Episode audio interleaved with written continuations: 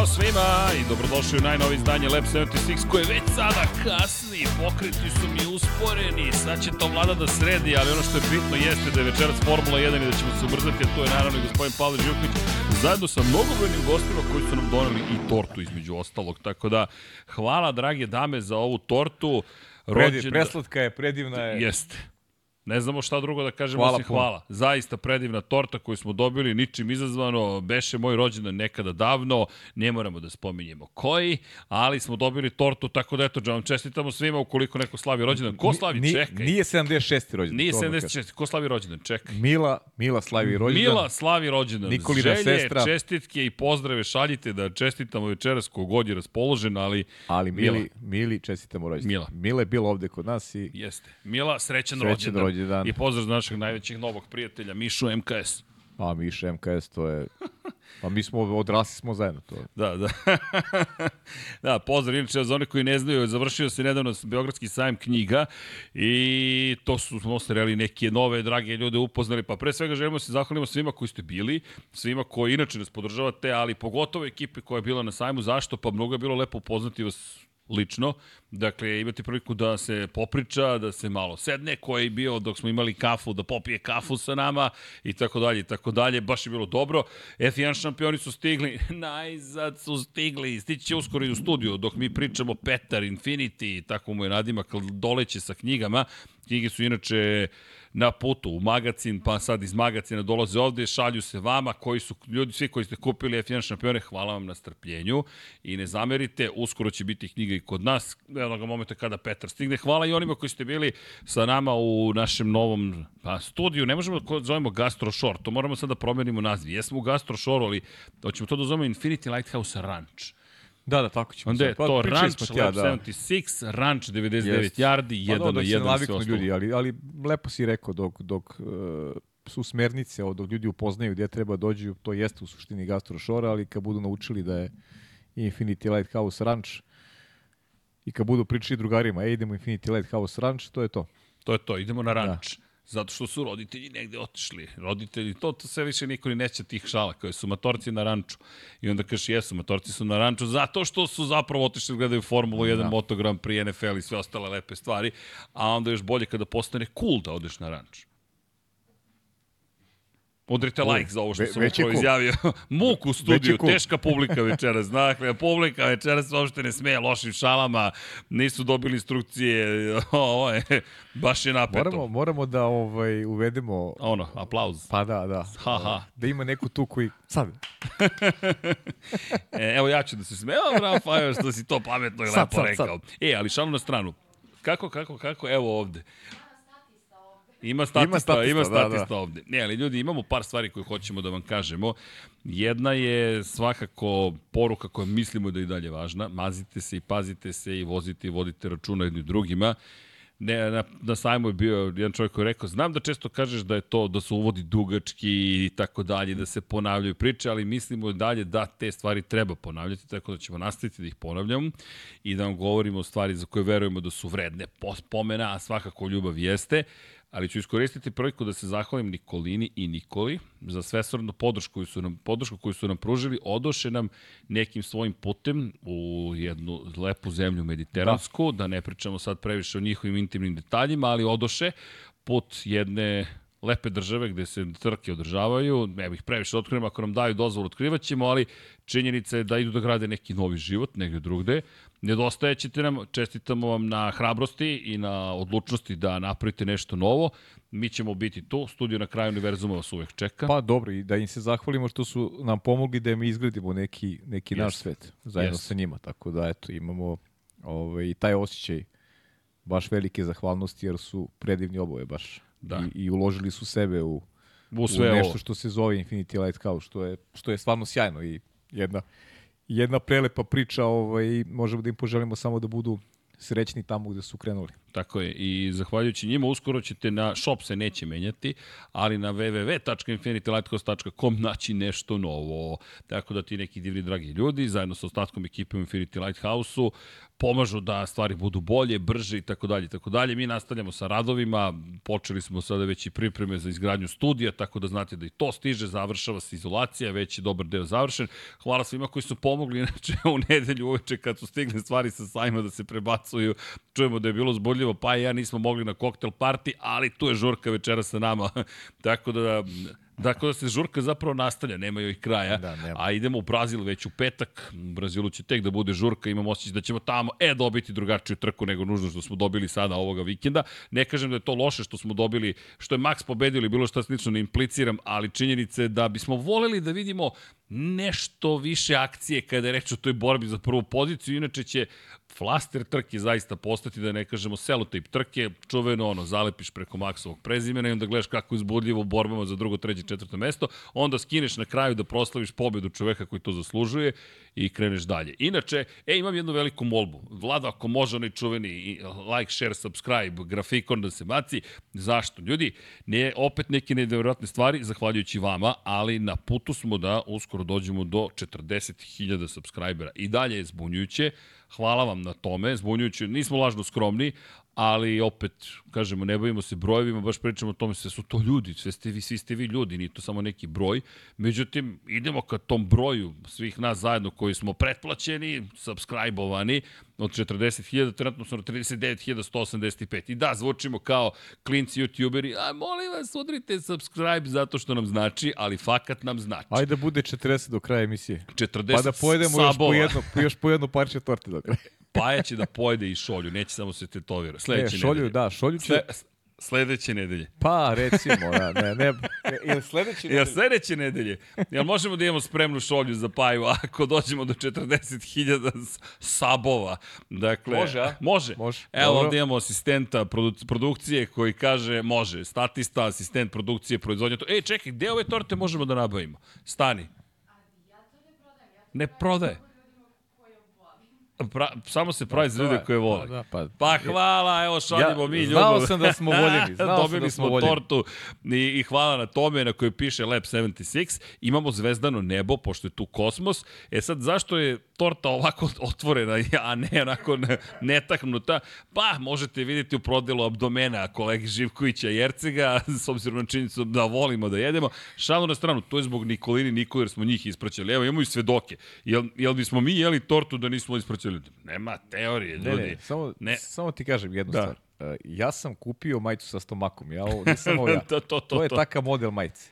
E da, da kad smo kod majice, ljudi, devojke, meseci borbe protiv raka dojke, podižemo svest o tome, molim vas, kontrola, pa ukoliko se nešto ustanovi kod lekara, može da se izleči ukoliko se detektuje na vreme I da, evo, hvala na poruci da to nije dosadno, nego to može zaista nekome da pomogne, pa ukoliko smo tome uspeli, to je fantastično, mada se nadamo da ćemo pomoći u toliko što, kada se proverite, ustanovite da zapravo nema ničega, jer to bi bila najlepša moguća vest. Jeste, da... upravo mi to naš, naš ovaj, stari drugar Mario iz Makedonije je želeo da, da učestvuje u ovoj priči i da eto, postakne, kaže, na primjeru iz svoje porodice, kako je izgubio jednog dragog člana koji je i gledao podcast Lab 76 upravo iz razloga što nije na vreme ovaj, otišao kod lekara i eto, to je ovaj, i njegova želja da, da, da, da, da, da, ne da ispriča do kraja svoju priču, već da postakne ljudi da se da, da odu na pregled, stvarno jako važno. To je jedini način da, da, ovaj,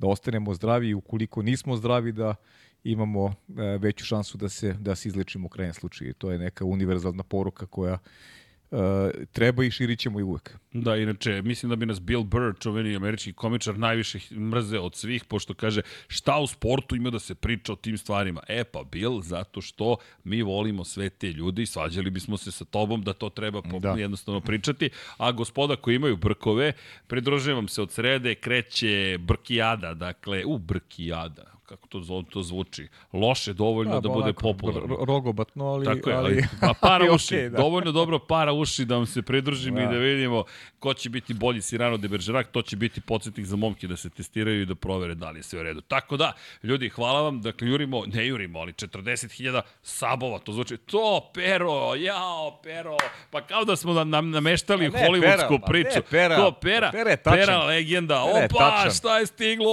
opa, jedan šampion šampioni, plakaću, kunem vam se od sreće, ali stigli su. Hoćemo grand opening, da otvorimo jedan primjerak za studio.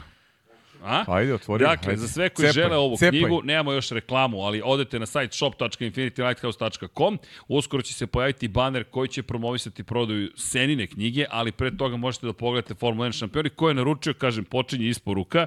Hoćemo ovako da otvorimo, evo, noktom lagano sam zagrebao ovde, skinemo celofan, sad ćete da vidite kako to izgleda spektakularno, jel te, dok vlada namešta ovde Christian Pine, Fine mikrofon. Fine telefon. Fine telefon. Dobro, čekaj, sad nestrpljenje čini svoje. Da otvorimo, jel te, knjigu. Opa. Evo ga. To ćemo ispod stola. I to kao sve. I dolazi u kutiji, kao što ste navikli, Formula 1 šampioni, legendarni vozači F1, Maurice Hamilton, otvorite kutiju, unutra, ista slika, ovoga puta smo napravili sa istom slikom da se bolje zna šta se događa. E, kolega, mogu da vas zamolim? Da, kutija, da, da, da se, moj eh, Kutija. I malo drugačije Formula 1 šampioni pišu u, jel te, magenta boji i lepo sa petim lakom, imate omotnicu celu, ko izvadi iz omotnice, ima jednu lepo crvenu knjigu, na kojoj piše, čekaj, sad ćemo to sve da izvedemo, kakav product placement smo obavili upravo, čekajte da ne ode u tortu baš, to ne bi bilo baš lepo. Dakle, otvorite dobijete knjigu Formula 1 šampioni, u kojoj su, šta? Pa, ajde imamo kog šampiona ćemo da otvorimo. Phil Hill, pa ko želi da pročita o Philu Hillu, može, ko želi, na primjer, da čita o Johenu Rintu, može, 34 svetska šampiona. I pazite sada ovo, kad odemo na Maxa Verstappena, šta ćete da nađete kod Maxa Verstappena, kod Maxa Verstappena, kod Maxa Verstappena, ćete da nađete, piše 2023. Tako da je updateovano već sada izdanje, to je jedina pa, da. prednost pa toga to što smo dugo čekali. Još, da, jedan od razloga, jedan od razloga što, što se i čekalo. Da, prošle godine smo čekali, pa smo dobili u februaru, martu, ali naučilo se, mnogo toga, knjiga je stigla, pa dragi ljudi, ko želi, slobodno neka izvoli, može da kupuje, a ono što ćemo mi da uradimo jeste, mi ćemo napraviti poseban popust. Zašto? Pa zato što smo lepo raspoloženi, svi koji su kupili u pretprodu i već su dobili popust od 30%. Oni koji budu kupovali u narednom periodu će moći da kupe u popustu od 20%. Zašto? Pa zato što ste tako dugo čekali, tako da mislimo da to sasvim ok. U svakom slučaju, ko želi, eto, može da čestita, što bi se reklo. Inače, Sajam, sajam je prošao, ali mi dalje kažemo da ćemo mi nastaviti neke stvari da radimo kao što smo se i dogovorili. Inače stižu neke nove knjige, ali o tom potom kada zaista sve bude spremno. Kome bude pitao za dinastiju, da vam kažem da to ove nedelje završavamo, to jest rešavamo, tako da znate i NFL dinastija će biti najzad završena. I ja bih se sada prebacio na priču koja je ispred nas, a to je priča zapravo o čemu? Pa priča zapravo o tome da O, o, o ovom čoveku sa posljednje stranice knjige. o ovom čoveku sa posljednje stranice da. knjige, bukvalno, s obzirom na činjenicu da je zaista neverovatan. I eto, kažem, ako ne zamerate, sub, kliknite, subscription, like i sve ostalo. I pitanje je, da li vam se dopada naslov? Max, Max, Max, Max, Max, Max, Max, Max, Max, Max, Max, Max, Max, Max, Max, Max. 16 puta Max, ljudi, rekord je postavljao, odmahuje se ovde glavom, dakle, izgovoriti samo, neko je rekao, na, mislim da Nadin rekao, e, nema više mašte za naslove. Imamo mašte za naslove, verujte, imamo. Zvuči, zvuči kao sastav kineske reprezentacije u futbolu. Li, liu, liu, Liu, liu, liu, liu, liu. Ali bukvalno, dakle, max, max, max, max, max, max, max, max. I to je kao pesma. Max, max, max, max, max, max, max. Pustite jednostavno. I ne znam, Vlado, da semplujemo Max Verstappen i to je, to je prilike to. Nema, nema šta drugo da se kaže.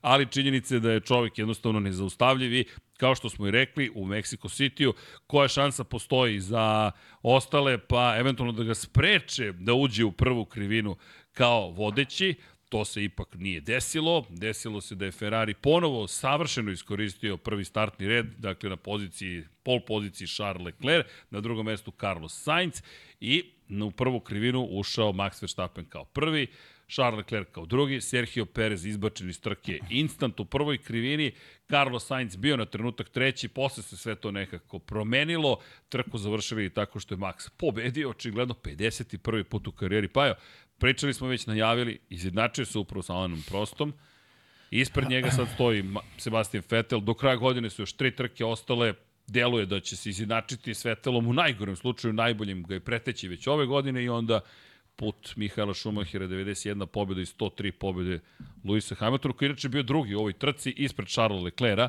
Sjajna trka za, za Hamiltona, mislim da je Mercedes odradio sjajan posao, uzviš obzir koliko su bili zapravo loši u kvalifikacijama nego što smo očekivali. Da krenemo od Verstappena, I pozdrav svima koji su bili na sajmu. Cijel dan smo pričali šta očekujete u prvoj krvini prvoga kruga. I svi su, čak i navijači Ferrarija, navijači Maxa Verstappena su rekli jedno čekamo večeras, jedno čekamo večeras. Ferrarijevi navijači su rekli samo se plašimo kada ćemo zapravo da izgubimo to vođstvo i niko nije verovao da će Ferrari da se zadrži. Ali, ali postoji drugi deo priče. Da, ali ovaj, hoćemo da krenemo od Maxa ili da, ili da krenemo s analizom trke? Ne znam, ne znam šta si ovaj, posle ovog tvog pa ne, uvoda, nisam siguran šta želiš, da radim. Pazi, znaš kako, samo sam htio da kažem... Šta da kaže moramo... Vlada? Imamo novog člana, da. dobro. Imamo i donacije, a vlada nam skreće pažnju na, na dosta toga što se događa dok mi pričamo o Maxu Verstappenu. Samo sekund, molim vas. Dakle, samo sekund, evo sad ćemo mi to sve da rešimo. Vlada nas vraća iz naše drage produkcije Eldin Polovina, dobrodošao, svetioničar, pod, po, početnik, e, dobro, dobro, dobro, ste nam se pridružili. I Dorijan Kablar koji kaže, donira 1 euro pa 5 eura, vidim da dolazite na Interliber u Zagreb, kada ćete vas dvoje biti tamo, ne bi vas htio promašiti.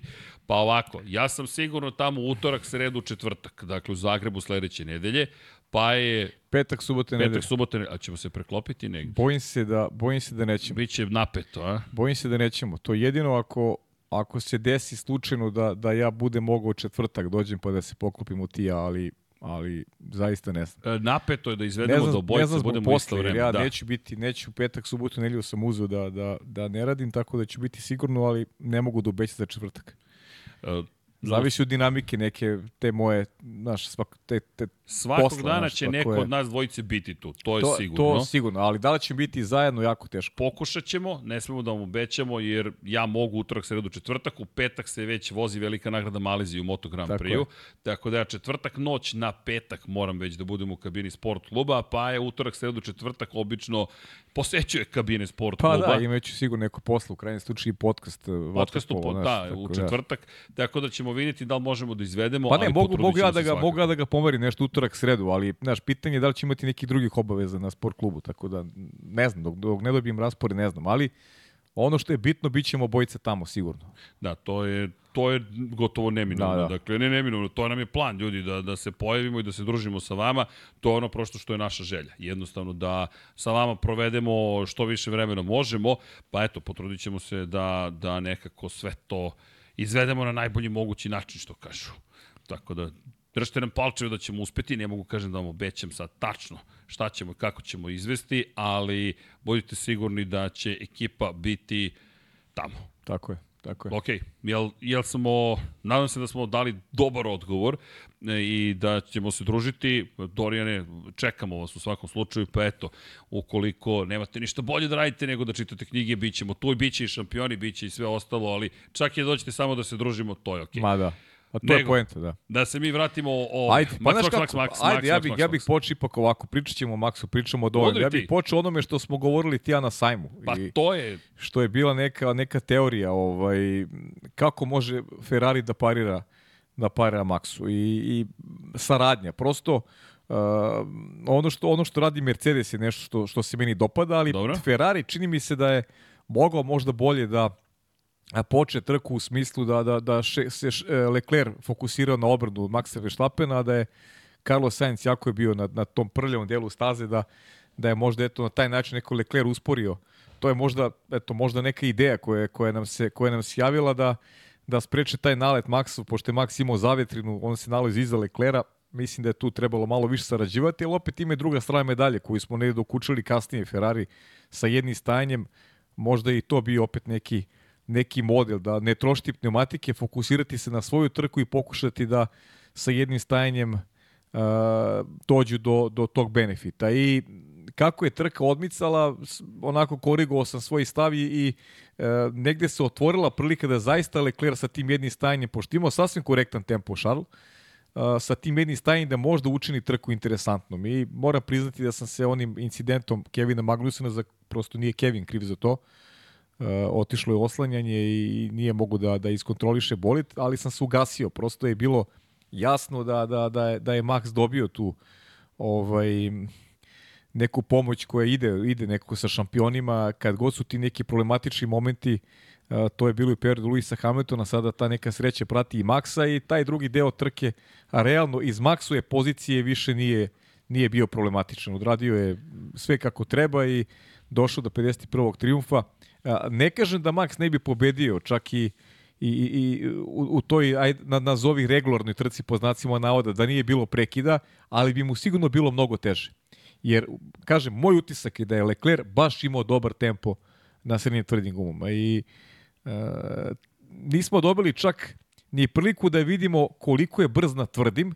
Ono što smo Srki videli je da je, da je smanjivao razliku u drugom i trećem sektoru e, u onom prvom svom krugu upravo je, je sve to prethodilo onom incidentu u kome je, Max, e, u kome je Kevin Magnussen okrenuo trku na glavačke. Kada pričamo o, o, o, o startu, ja bih se vratio odmah na početak. Tu imamo malo razmimilaženje u viđenju stvari. Ja, ja smatram da bez obzira na čuvanje guma, kada imaš prvi startni red. Ne, ne, to je samo zapažanje. Nije, da, nije, da. nije ovo moj stav uopšte. Ovo je samo neko, neko zapažanje. Znaš, ja kažem ti, slažem se ja s toma. Znam što će kažeš. Reakcija, Razumeš? reakcija Leclerova pogled u desno je je bio i, i se dogodio kasno. Već je Max već je bio, bio tu. Pa već je bio tu, već već nisi mogao da ga braniš nikako, ali ali opet ti kažem, znaš, uh, uh, drugačije bismo pričali možda da je Ferrari uspeo da sprovede plan koji je bio jasan. Uh, jedno stajanje i pokušaj da izvuku trku na na srednje tvrdim i tvrdim guma. Pritom, ajde da budemo iskreni. Evo, ja sam sad rekao, možda bi Max pobedio. Utiska sam da bi sigurno pobedio. Zbog čega? Sjeti se kako se Ferrari muči u stvari na tvrdim gumama u toj završnici trke. Nije mogao da sustigne Luisa Hamiltona, niko. Na, na, na srednje tvrdim gumama Luis je napravio ogromnu prednost. Ogromnu prednost. E, ajmo, ajmo samo, samo na sekundu. Dakle, apropo ovoga što sam rekao, je da ne smemo da lupamo zvonce više. Dobio sam najnoviju informaciju, znaš zašto ne smemo da lupamo zvonce? Jedan od ljudi koji su posetili štand sajma nam je ispričao da dete uspavamo našim glasovima i on s uh -huh. detetom na zvučnicima sluša podcast. I svaki put kad lupimo zvonce mi probudimo dete. Tako da, Vlado, u duhu ne buđenja dece koje uspavljujemo, zvonce ćemo prestati da koristimo. Da, ne, ne, ne, šalimo se mi na apropo, sve da, to da, okay, da, nego ne, hoću ti pa kažem, dobro, da, nema više korišćenja zvonca jer ne želimo da budimo decu. Tako da, inače dobili smo više informacije da dobro uspavljujemo decu, pa eto, dakle, ko voli da se uspavljuju deca i da prati Formulu 1 i Moto Grand Prix, tu smo, dakle, i nećemo zvonce više udarati, ali će biti vir, da. virtualne zvonce. Čing!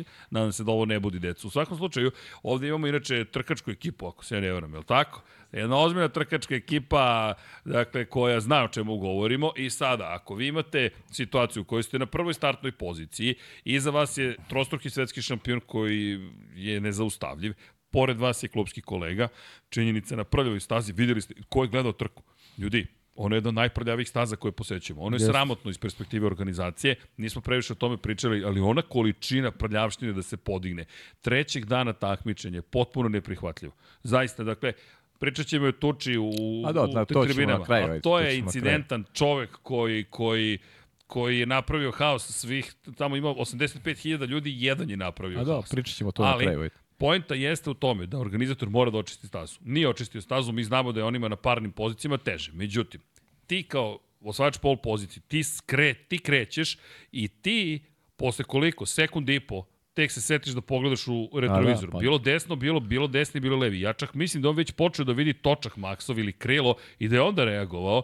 To je potpuno meni neprihvatljivo. A ne, sve okej, okay. ja samo pokušavam da razumem, znaš, samo pokušavam da razumem, ništa više. Ovaj, ne, ne, ne da bi branio ovaj, bilo koga, ali to je ono što smo govorili i u Ostinu. Leclerc, reakcija u trci u Ostinu, Lando Norris, Znaš, čim je Max Verstappen iza i to je ta prednost koju, koju Max ima i, i ne samo broju titula, već i tu psihološku prednost koja, prednost koja je ogromna na njegovoj strani i mnogo lakše reša te, rešava te neke situacije. Samo timski rad, Lewis Hamilton lepo rekao, mi, e, svi se bore protiv Maxa. Timski rad. Ali zato mi se Mercedes dopada. Mercedes nešto pokušava agresivan je. To je sad onaj moment, sad malo skačemo s teme, te, s teme na telo, to radimo prosto. Pa, pa ne možeš da ideš linearno, da, priča. Uh, preki trke i prelazak na srednje tvrde gume. Pa ja to podržavam. Ti moraš da pokušaš sve kako bi, kako bi eventualno pobedio Max. Nisu uspeli, ali eto, odvezao Luis najbrži krug trke i, i čudno je na, na koji način i sačuvao srednje tvrde gume do posljednjem krugu odvez najbolji kruga. Vozio je na njima koliko? 36 krugova. Stare su bile 40 recimo, sve zajedno, s obzirom da su četiri, četiri kruga već bile stare kada, je, kada ih je ovaj, kada ih je dobio za finiš, tačnije za tu drugu polovinu trke. Ja sam stvarno u tom pogledu ovaj, oduševljen kakav pristup ima Mercedes u, u, u ovoj poslednjoj fazi godine. S druge strane, Ferrari konzervativan i konstantno je konzervativan. Eto, ako je, ako je to treće mesto nešto što zadovoljava ekipu, ok, ali, ali mislim da su oni u najmanju ruku mogli, kada je već propala ta strategija 1, da se prilagodi trenutku i da možda Leclerc ili Sainz prebace na srednje tvrde gume. I kada već pričamo o tome, Vlado, poslao ti upravo strategiju, ne znam da li si video. Vidjet ćete naravno kako su menjali gume, ekipa u studiju neće nažalost moći da vidi, ali opisat ćemo i za one na audio platformama. Vi ste nam sada kao da ste na audio platformama. Dakle, ko sluša na audio platformama, inače pozdrav za sve koji tako putuju. Danas dolazi na naš zajednički prijatelj i kaže, evo Srki, hvala ti. Dakle, pošto on čovjek živi i radi u Albaniji, vozi se dugo do tamo i nazad i kaže, ja lepo pustim podcaste i dok ja stignem do tamo, ja, kako se mi prekratite put. Tako da, pozdrav svima koji na putovanjima slušaju ili gledaju ili kako god da konzumiraju sadržaj. Moram priznati da ta rečenica je onako čudna, jer su udobne stolice. Gospodin jedini dobio režistersku stolicu, tako da, kako treba. Ali je point u tome da Vlado udri strategija, dakle, opisat ćemo vam Max Verstappen u 19. krugu, inače me. Inače, da, imamo puno tema, iskačemo s teme na temu i zatvorit ćemo ih sve, ali 19. krug, promjena Maxa Verstappena, 71 krug se vozi, odlazi na iz, napravio izbor da pređe na, da zapravo obavi dva stajanja. Drugo stajanje je bilo na kraju izazvano zapravo incidentom Kevina Magnusena, to jest mi smo došli u situaciju da mi Imamo crvene zastave, pomalo i neočekivano, ali na kraju se ispostavilo da bilo neophodno, pošto je raznet praktično bio zaštitni zid. Delovalo je da nema potrebe, međutim baš je bio ozbiljan incident. Elem, u 33. je promenio sa srednje tvrdih novih na tvrde nove, pa ponovo na nove tvrde. Hamilton, gde je razlika? U 24. krugu je menjao pet krugova posle Verstappena. To je dosta, ukoliko im je strategija drugačija. Dosta rizično je čak i to bilo i Hamilton i tu rekao na tvrdim gumama do kraja, bit će napeto, ali U 34. oni prelaze zapravo, pošto u 33. još je bilo bez crvenih zastava, 34. su crvene zastave, na korišćene srednje tvrde gume. I Hamilton je više od polovine trke odvezao na setu korišćenih srednje tvrdih guma. Vlado, može li drugi grafikon, ali pogledajte šta je uradio Lewis Hamilton zajedno s Maxom Verstappenom. Ja jedva čekam da Mercedes sredi bolid i da mi opet imamo tu situaciju. I nadam se da Ferrari može nešto slično da učini, jer ako dobijemo još i Leclerc u cijelovi priči, pa i Sainca, jer je Sainz imao zanimljive kruga. Pogledajte ovo. Inače, što je debljaja grafika, dakle boja koja obeležava vozača, to znači da u tom segmentu, to jest u, u tom vremenu sa Y ose, to je leva osa, dakle vertikalna, imate mogućnost da vidite sekundažu. Max neverovatan. Dakle, ove tačkice kao da gađate u metu. Konstantni krugovi na tvrdim gumama. Hvala Aleksi Vuču za ove neverovatne grafikone. Lewis Hamilton sa desne strane kada pogledate, na srednje tvrdim, držao se, ozbiljno se držao, na kraju je popustio, ali tempo koji je bio vrlo sličan, on polako počne, posle počinje da popušta i onda pogledaj, pa je apropo priče o Lecleru. Lecler na tvrdim gumama, ako se vratimo sad na prethodni grafikon i pogledamo gde je Lecler, imao taj, te, taj period kada on vozi na ovim tvrdim gumama tempo koji ne može da odgovara zapravo tempo Luisa Hamiltona. To smo pričali, da. I ti sada imaš Leklera, izvini Vlado, može još jednom da se vratimo unazad. Dakle, Leklera koji kada pogledamo prvi Dakle, ovde je važna dinamika. Gornji deo crvenog grafikona Leclerovog pokazuje prvi deo trke. Koji uopšte nije loš u odnosu nije. na Maxa Verstappena. Nije, ne, ne da nije loš, nego jako dobar. I ti sada, umesto da čoveka vratiš na te gume, koje su blago korišćene, a čuvo si ih u kvalifikacijama, ti ostaneš veran strategiji koja je na kraju ekstremno konzervativna, a znamo da na tvrdim gumama ti nemaš tempo koji će imati Red Bull. To smo videli iz trke u trku i ponavlja se ista priča. Inače, ovo su C5, C4, C3 Pritom ne razumem šta ti donosi, šta je razlika između trećeg i sedmog mesta? Šta je razlika? Sad kad je pa, finiš godine. Je postoji neka razlika? Pa... Ti si Ferrari, treba da se boriš i, i, ili, ili ste se zadovoljili. Sad Singapur je prošao kako je prošao, uzeli ste jednu pobedu i, i sve je rešeno. Sada do, do kraja sezone mirni smo sa, sa napadima italijanskih medija. Imamo, kupili smo, kupili smo mir u kući, a ne radimo ništa da, da probamo da, da neke situacije koje se otvaraju da ih eventualno iskoristimo. I ta konzervativnost Ferrari je nešto što iritira sve fanove, e, sve fanove tog tima. I mislim da navijači Mercedesa ne bi bili ljuti uopšte da je Lewis Hamilton na kraju završio i peti, već bi bili onako srećni što je ekipa probala nešto, nešto drugačije da uradi kako bi se eventualno borila za pobedu.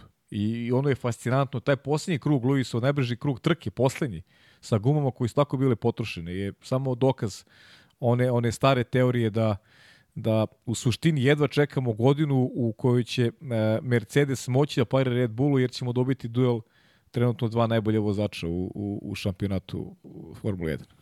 To su, to su Max i Luis, definitivno. To, to i ovaj grafikon vrlo dobro pokazuje, ali ne samo i oni kao vozači, već i oni kao ljudi koji se nalaze zapravo po timovima koji mogu da ih podrže. Pa Jer dobro, to, ono što to, to, to je logično. Nedostaje. Pa, mislim, naravno, ne bi, ne bi mogli da pričamo o Luisu da je u Alfa Tauriju. Mogu, Mada, da je kad dobar. spominješ Alfa Tauri, čekaj, čekaj, sad si mi nabacio št, vole jedan, a to je Daniel Ricardo.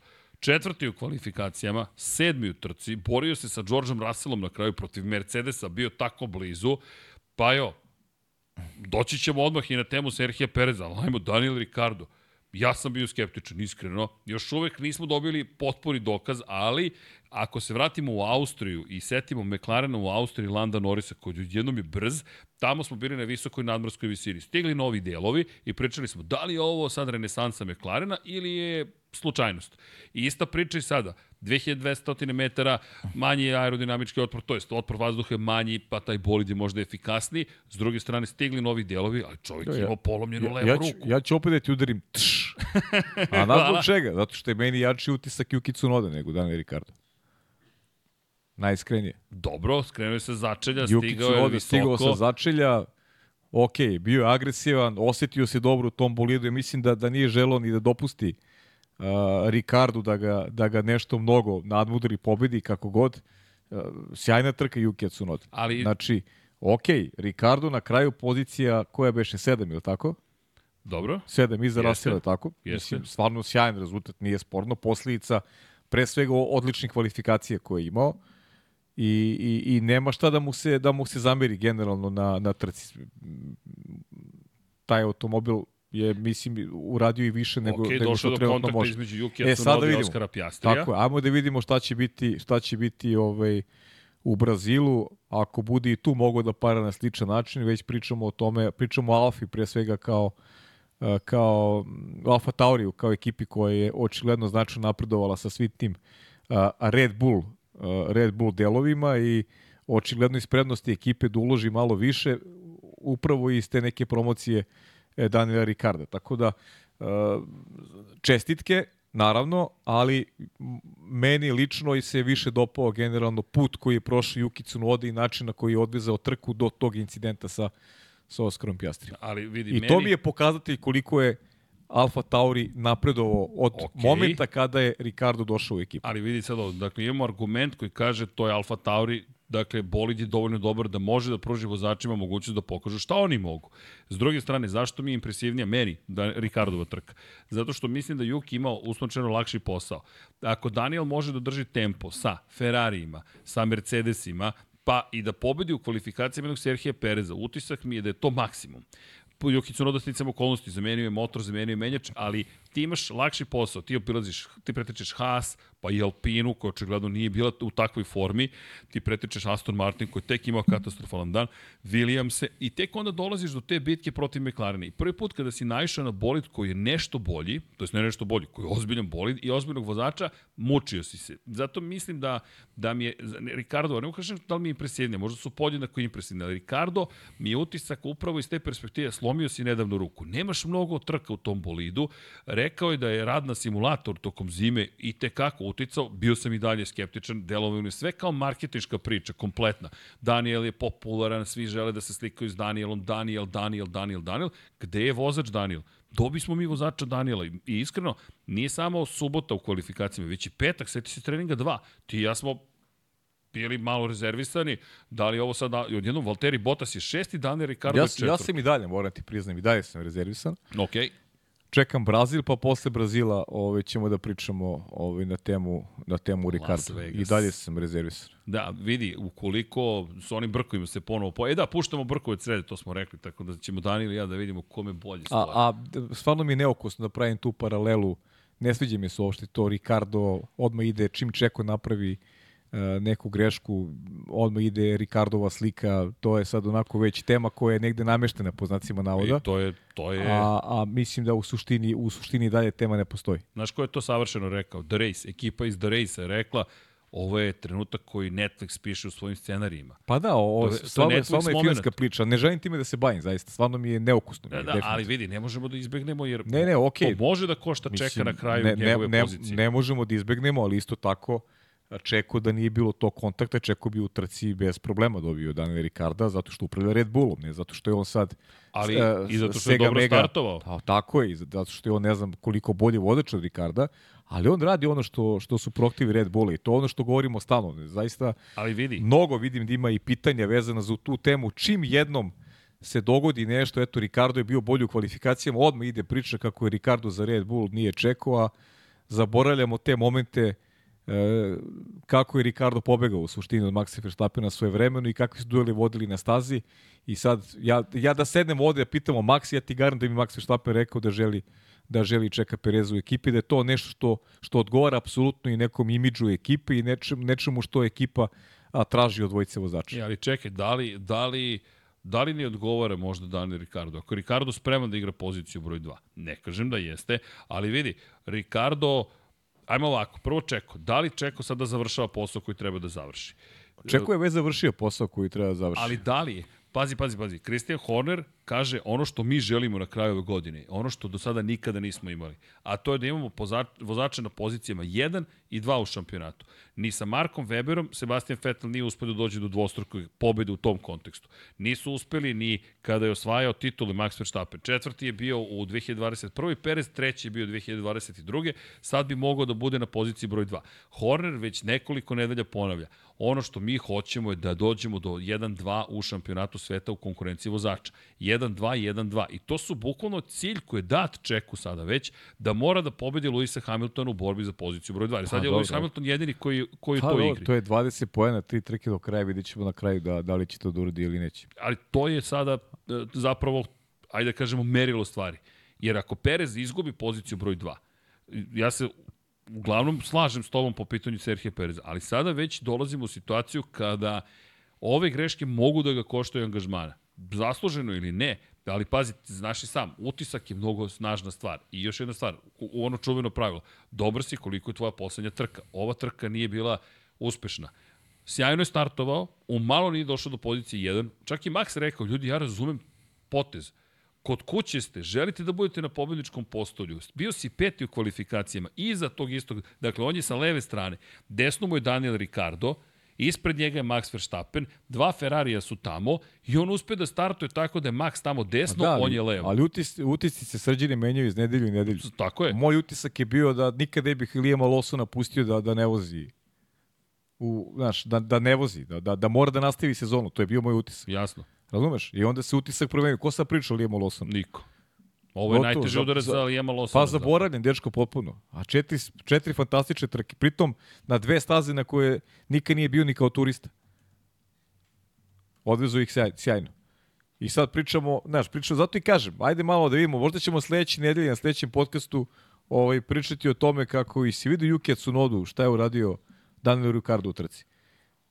Nažalost, Daniel Ricardo u takvoj situaciji da on mora da se dokazuje, bez obzira što je uh, svojevremeno imao potencijal da se bori za šampionsku titulu, sam je sebe doveo u poziciju da da treba da se, da se dokazuje. I ja, kažem ti, i dalje vidim Serhija Pereza kao neko ko apsolutno odgovara uh, celoj priči koju neguje Red Bull momenta kad je Max Verstappen seo u taj bolit. Oni konstantno njemu traže vozača broj 2 koji neće da ga ugrožava, koji neće biti uh, koji neće biti njemu rival na stazi, nego onaj koji će mu biti podrška.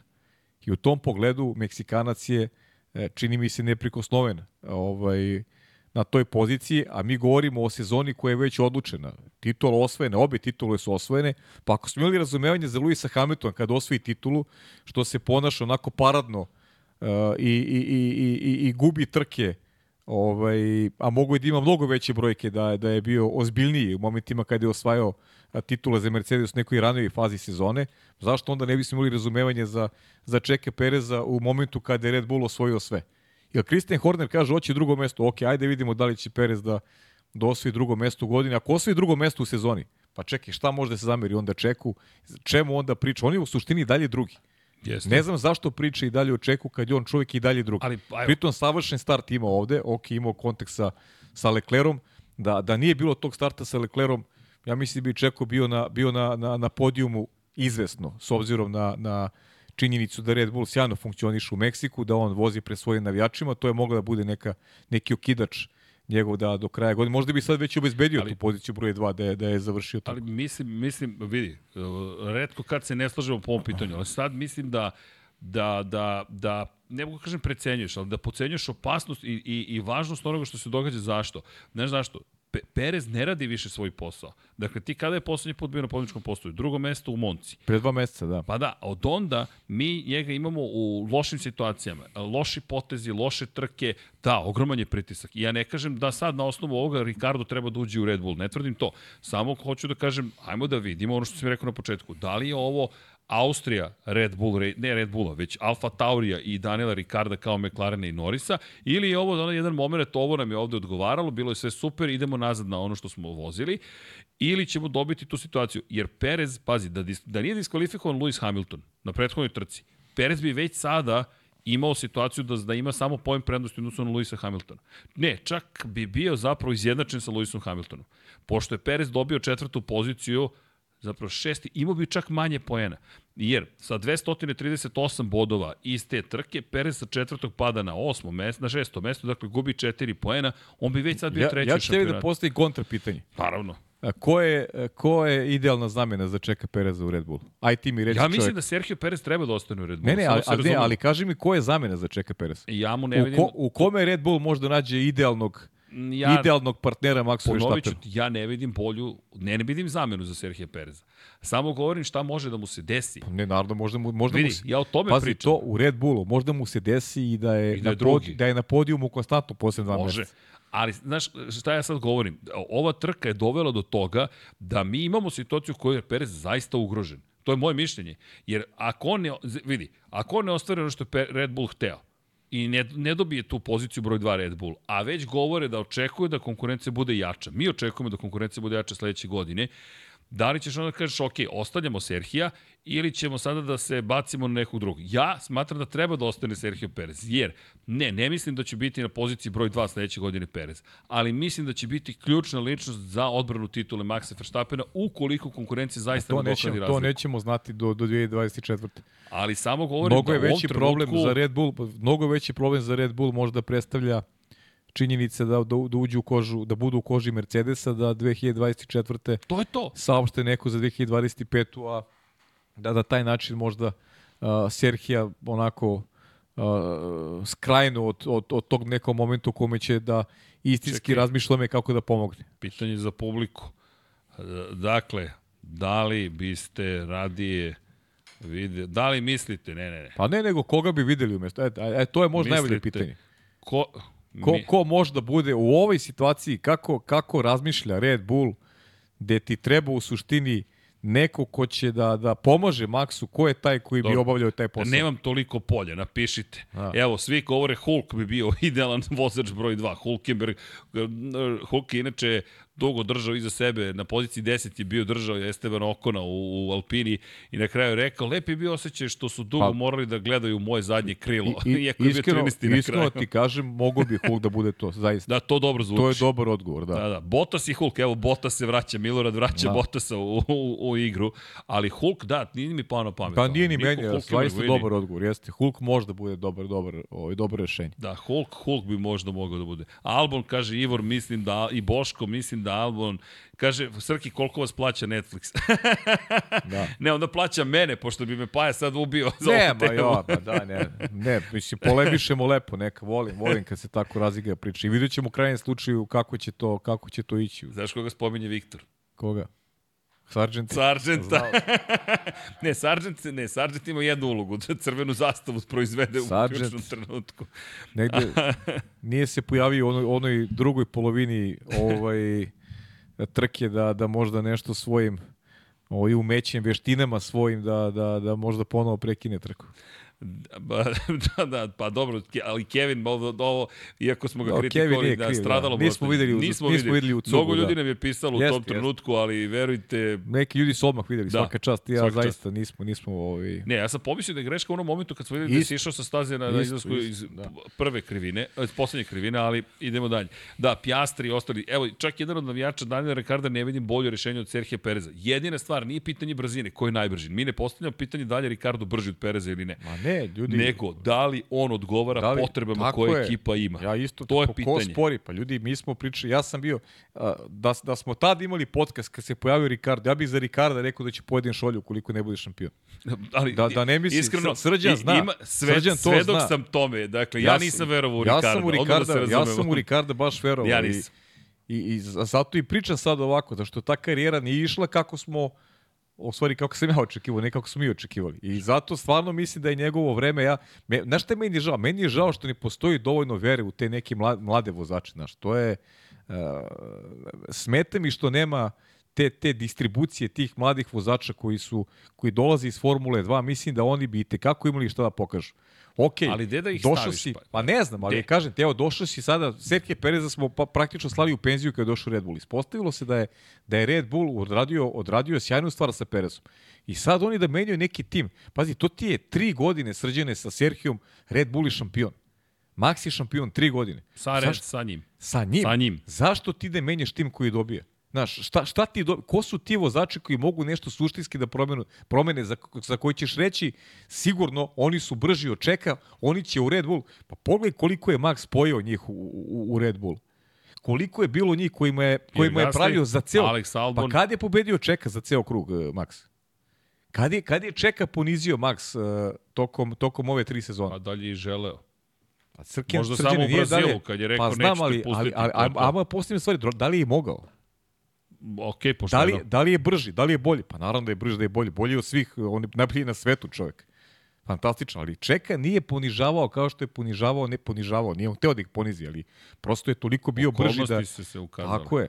Tako da zaista mislim priča oko, oko Čeka, zato meni nema priča oko, oko Čeka Perez. Mislim da su tu stvari jasne, on je tu 2024. Misliš? godine, mislim da su da je mnogo veći problem za Red Bull. Ukoliko oni vide nešto drugo od 2025. A ne, ali pa to je ja, veći ja problem. ne pričam o tome. Moja tema, zapravo moje viđenje, moj, moje trenutno vizije nije da je Perez loše rešenje, nego da ova situacija može dovesti do njegovog pada u Red Bullu i da Red Bull bi mogao da napravi stratešku grešku. Jednu od redkih, ali bi ovo mogla biti pa, velika. E, dobro, taka formulacija stvari, to, to je, zaista, to, to je, on, to je onda nešto što on, to je onda nešto sa čim Red Bull živi i možda pod uticajem Ja ne verujem da su oni neozbiljna kompanija koja, koja reaguje tako što čitaju šta se govori po medijima i gde se stalno pravi priča. Kao, kao u filmu.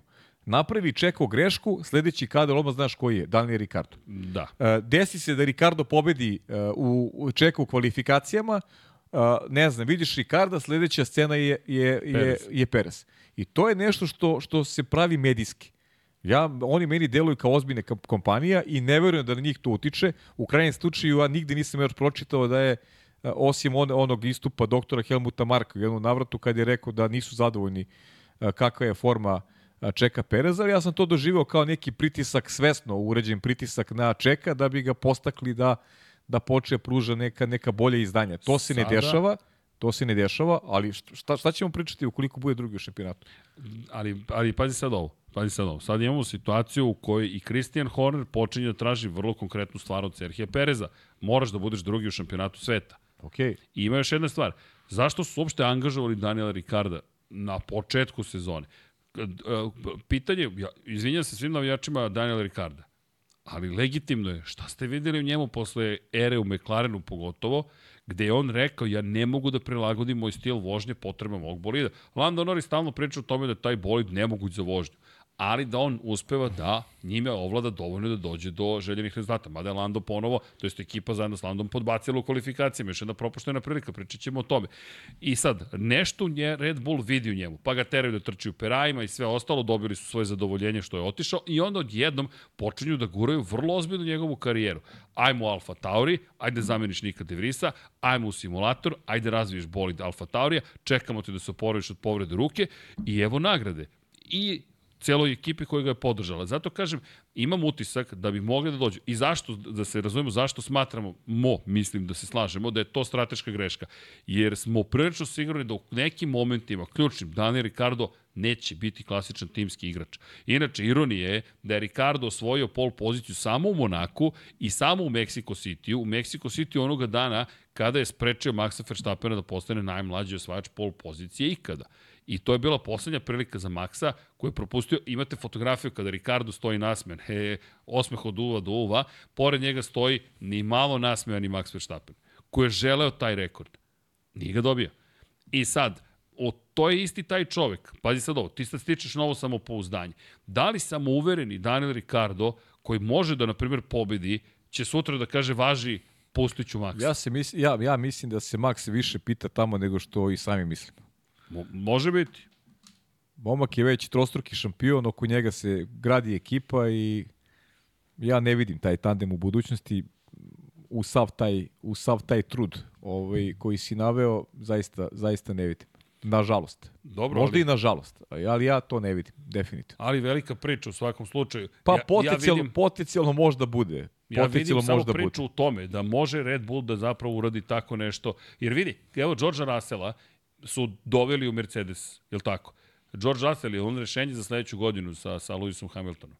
Znaš, to je, to je tim koji nije baš tim koji je formiran sada oko Lewisa Hamiltona, koga će George Russell morati da podržava. Nego je George Russellu rečeno, ti si takva buduća zvezda, dođi kod nas, nemoj da potpišeš za nekog drugog.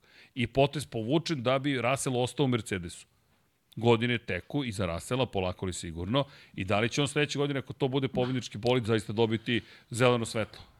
Naš... Ne znam, ne znam šta će bude sa Red Bullom, znam da ono što smo govorili o toj trkačkoj akademiji ima neke informacije da oni uopšte ne računaju više, ne znam da li si to video na Ajumo i Vasu, na Denisa Haugera, uzeli da, da, su, uzeli su vreme. Olivera Getea su ovaj, uveli, doveli sad u akademiju svoju, tako da za te mlade momke očigledno da, da neka, neka prohodnost kakva će biti, zaista ne znam, kroz, kroz uh, Alfa Tauri, pre svega, ali šta je budućnost Red Bulla, kako oni sebe vide u periodu koji dolazi, uh, zaista, zaista je teško ovaj dokučiti vezano za, za tu poziciju drugog vozača. Dokle god imaju bolid koji će Maxu omogućiti da se bori za titulu, Max će ostati tamo, znamo da Max možda bira ovaj, svoju, svoju destinaciju buduću ovaj, bez, bez ikakvih problema, da on uvek ima te klauzule, izlazne klauzule u ugovoru, uh, ima, ih, ima ih i sada i uh, rekao sam neko, neko moje razmišljenje da je, da je sledeća godina sa čekom, a, a šta će biti dalje,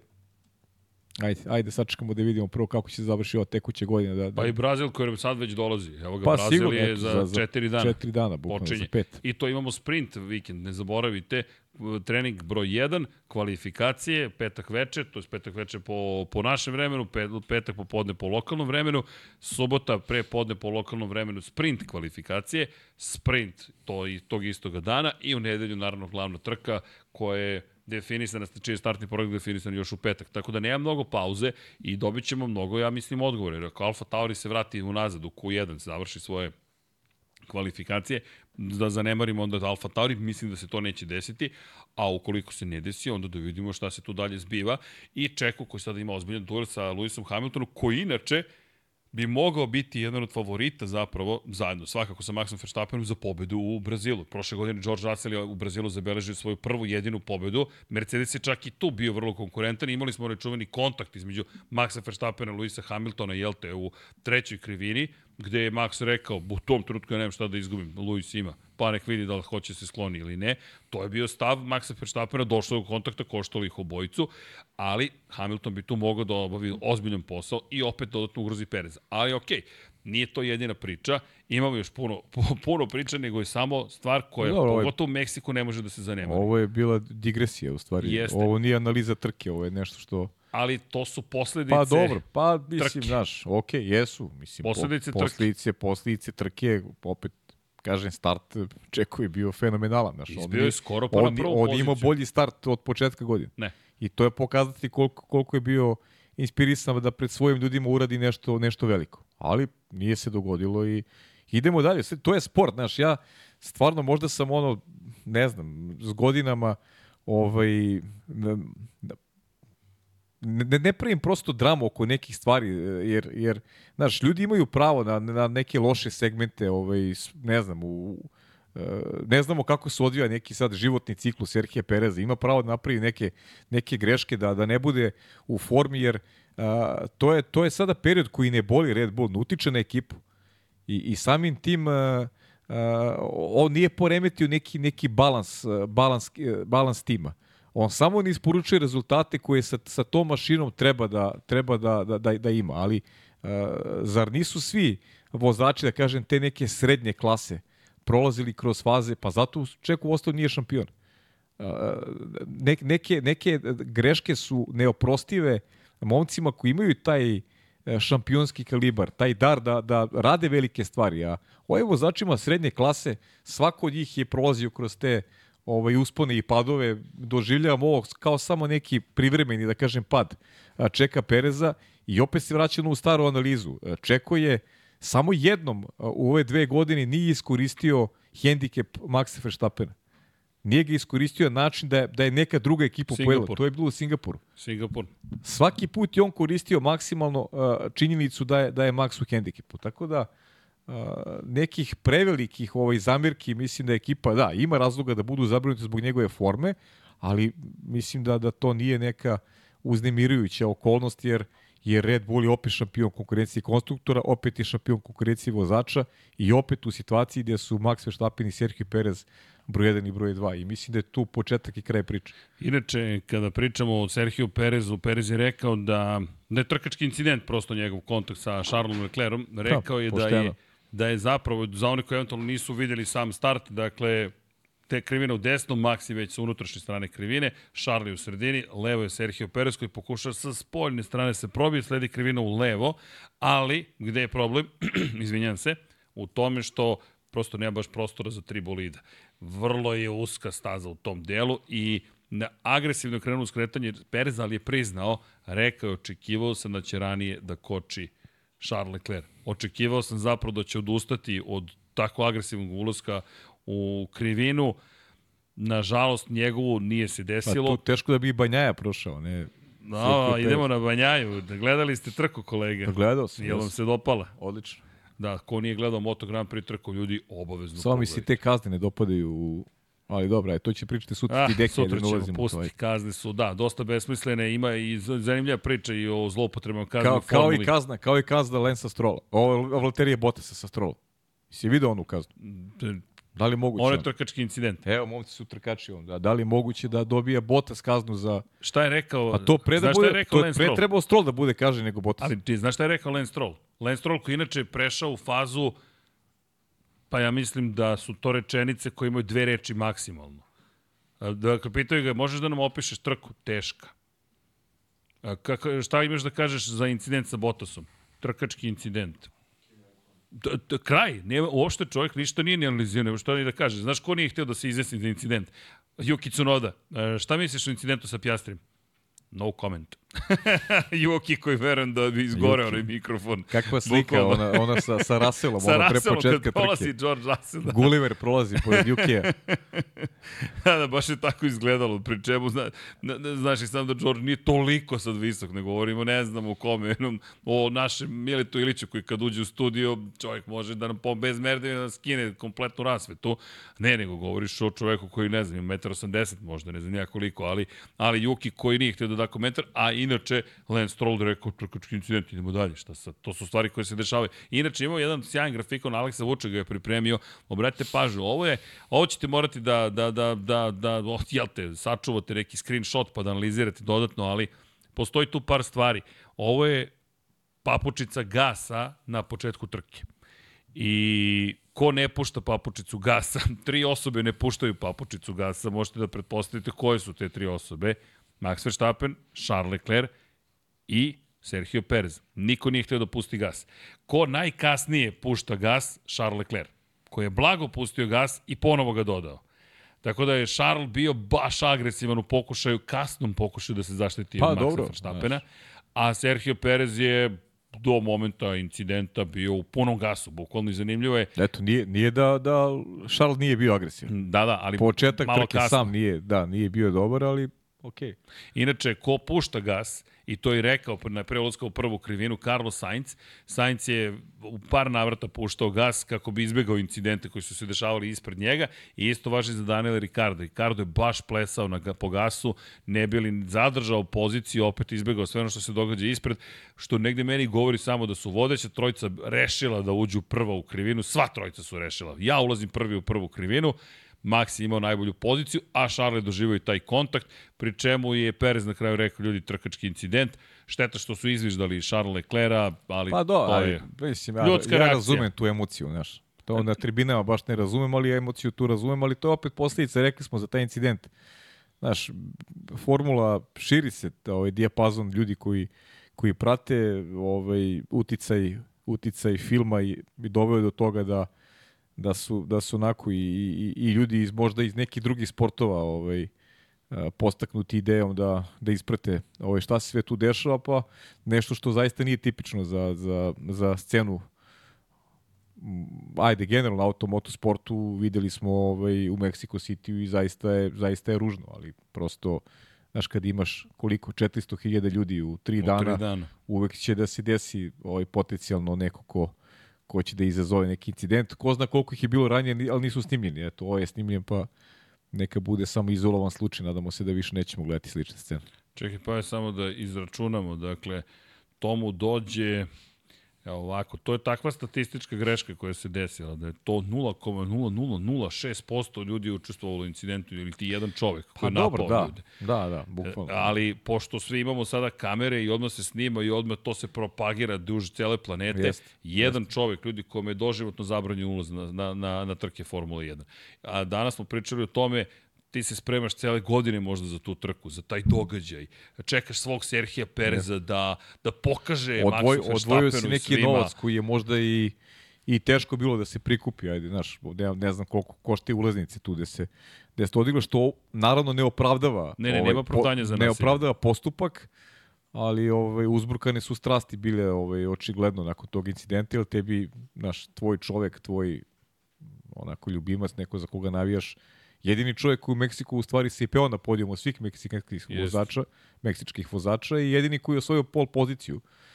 Ovaj, završava trku i eto, desila se ta, ta reakcija koja, koja nije, premeren, nije primerena, ali eto, prosto treba je prokomentarisati i opet je staviti negde ad akta i ovaj, o, ono što meni smeta je što je to mnogima bila prva vest kojom su otvorili priču o formuli, nažalost. Eto, to je, Ali od nekih stvari ne možemo pobegnemo u ova, u ova, neka, ova neka luda vremena koje živimo, ne samo mi ovde, nego generalno.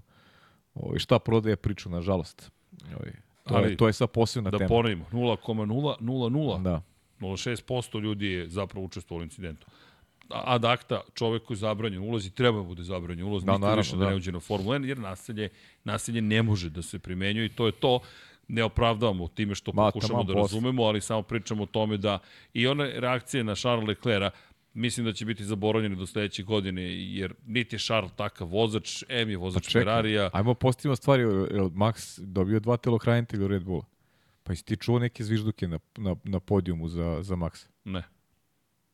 Ne. Ja sam ti rekao, ja sam Ostinu pomislio prvi put kad sam čuo da je to, da su to navijači Luisa Hamiltona. Ne. Znaš, nisam ošte povezao, ja sam zaboravio tu priču vezano za, ali evo ti, Meksikanci ovde nisu reagovali ovaj neprijateljski prema Maksu na, na, na podijumu, makar ja... Pa nije ja se čulo, ne. nije nekakve reakcije bilo. Da. Čak su najveći aplauz zapravo dali Luisu Hamiltonu.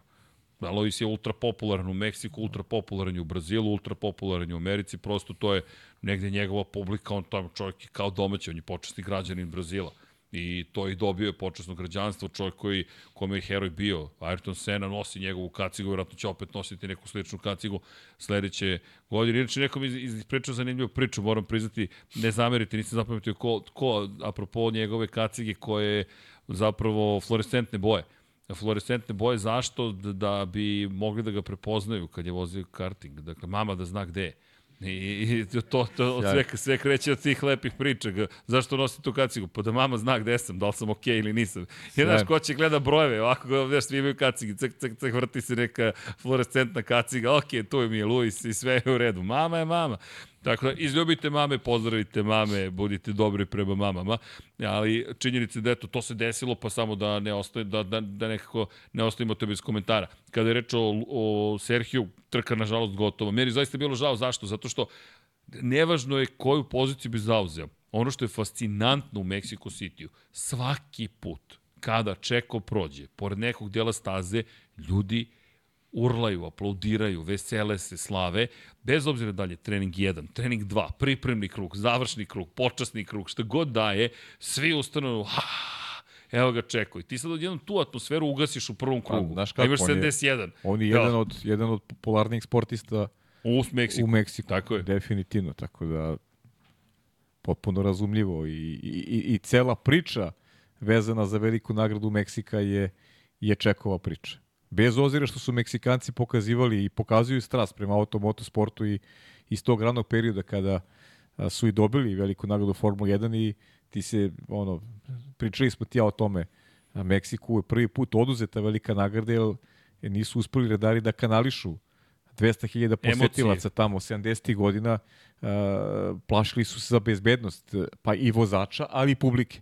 I zbog toga je velika nagrada Meksika ovaj, sklonjena sa kalendara, tako da ti ljudi tamo u tom delu sveta prosto vole Formula 1, vole automotosport i, i ta neka, ta neka energija, ljubav, to se osjeća ovaj, kroz uh, tu reakciju sa tribina, a naravno posebno prema, prema svom čoveku. Pa zamisli da ovde imamo neko ko, ko, ko vozi Formula 1, dobiješ, znaš, da gledaš trku negde u, u regionu, pa to bi, to bi bila ludnica. I zamisli nekog izbaci u prvoj krivini, ne namerno. I neko, da, i neko izbaci.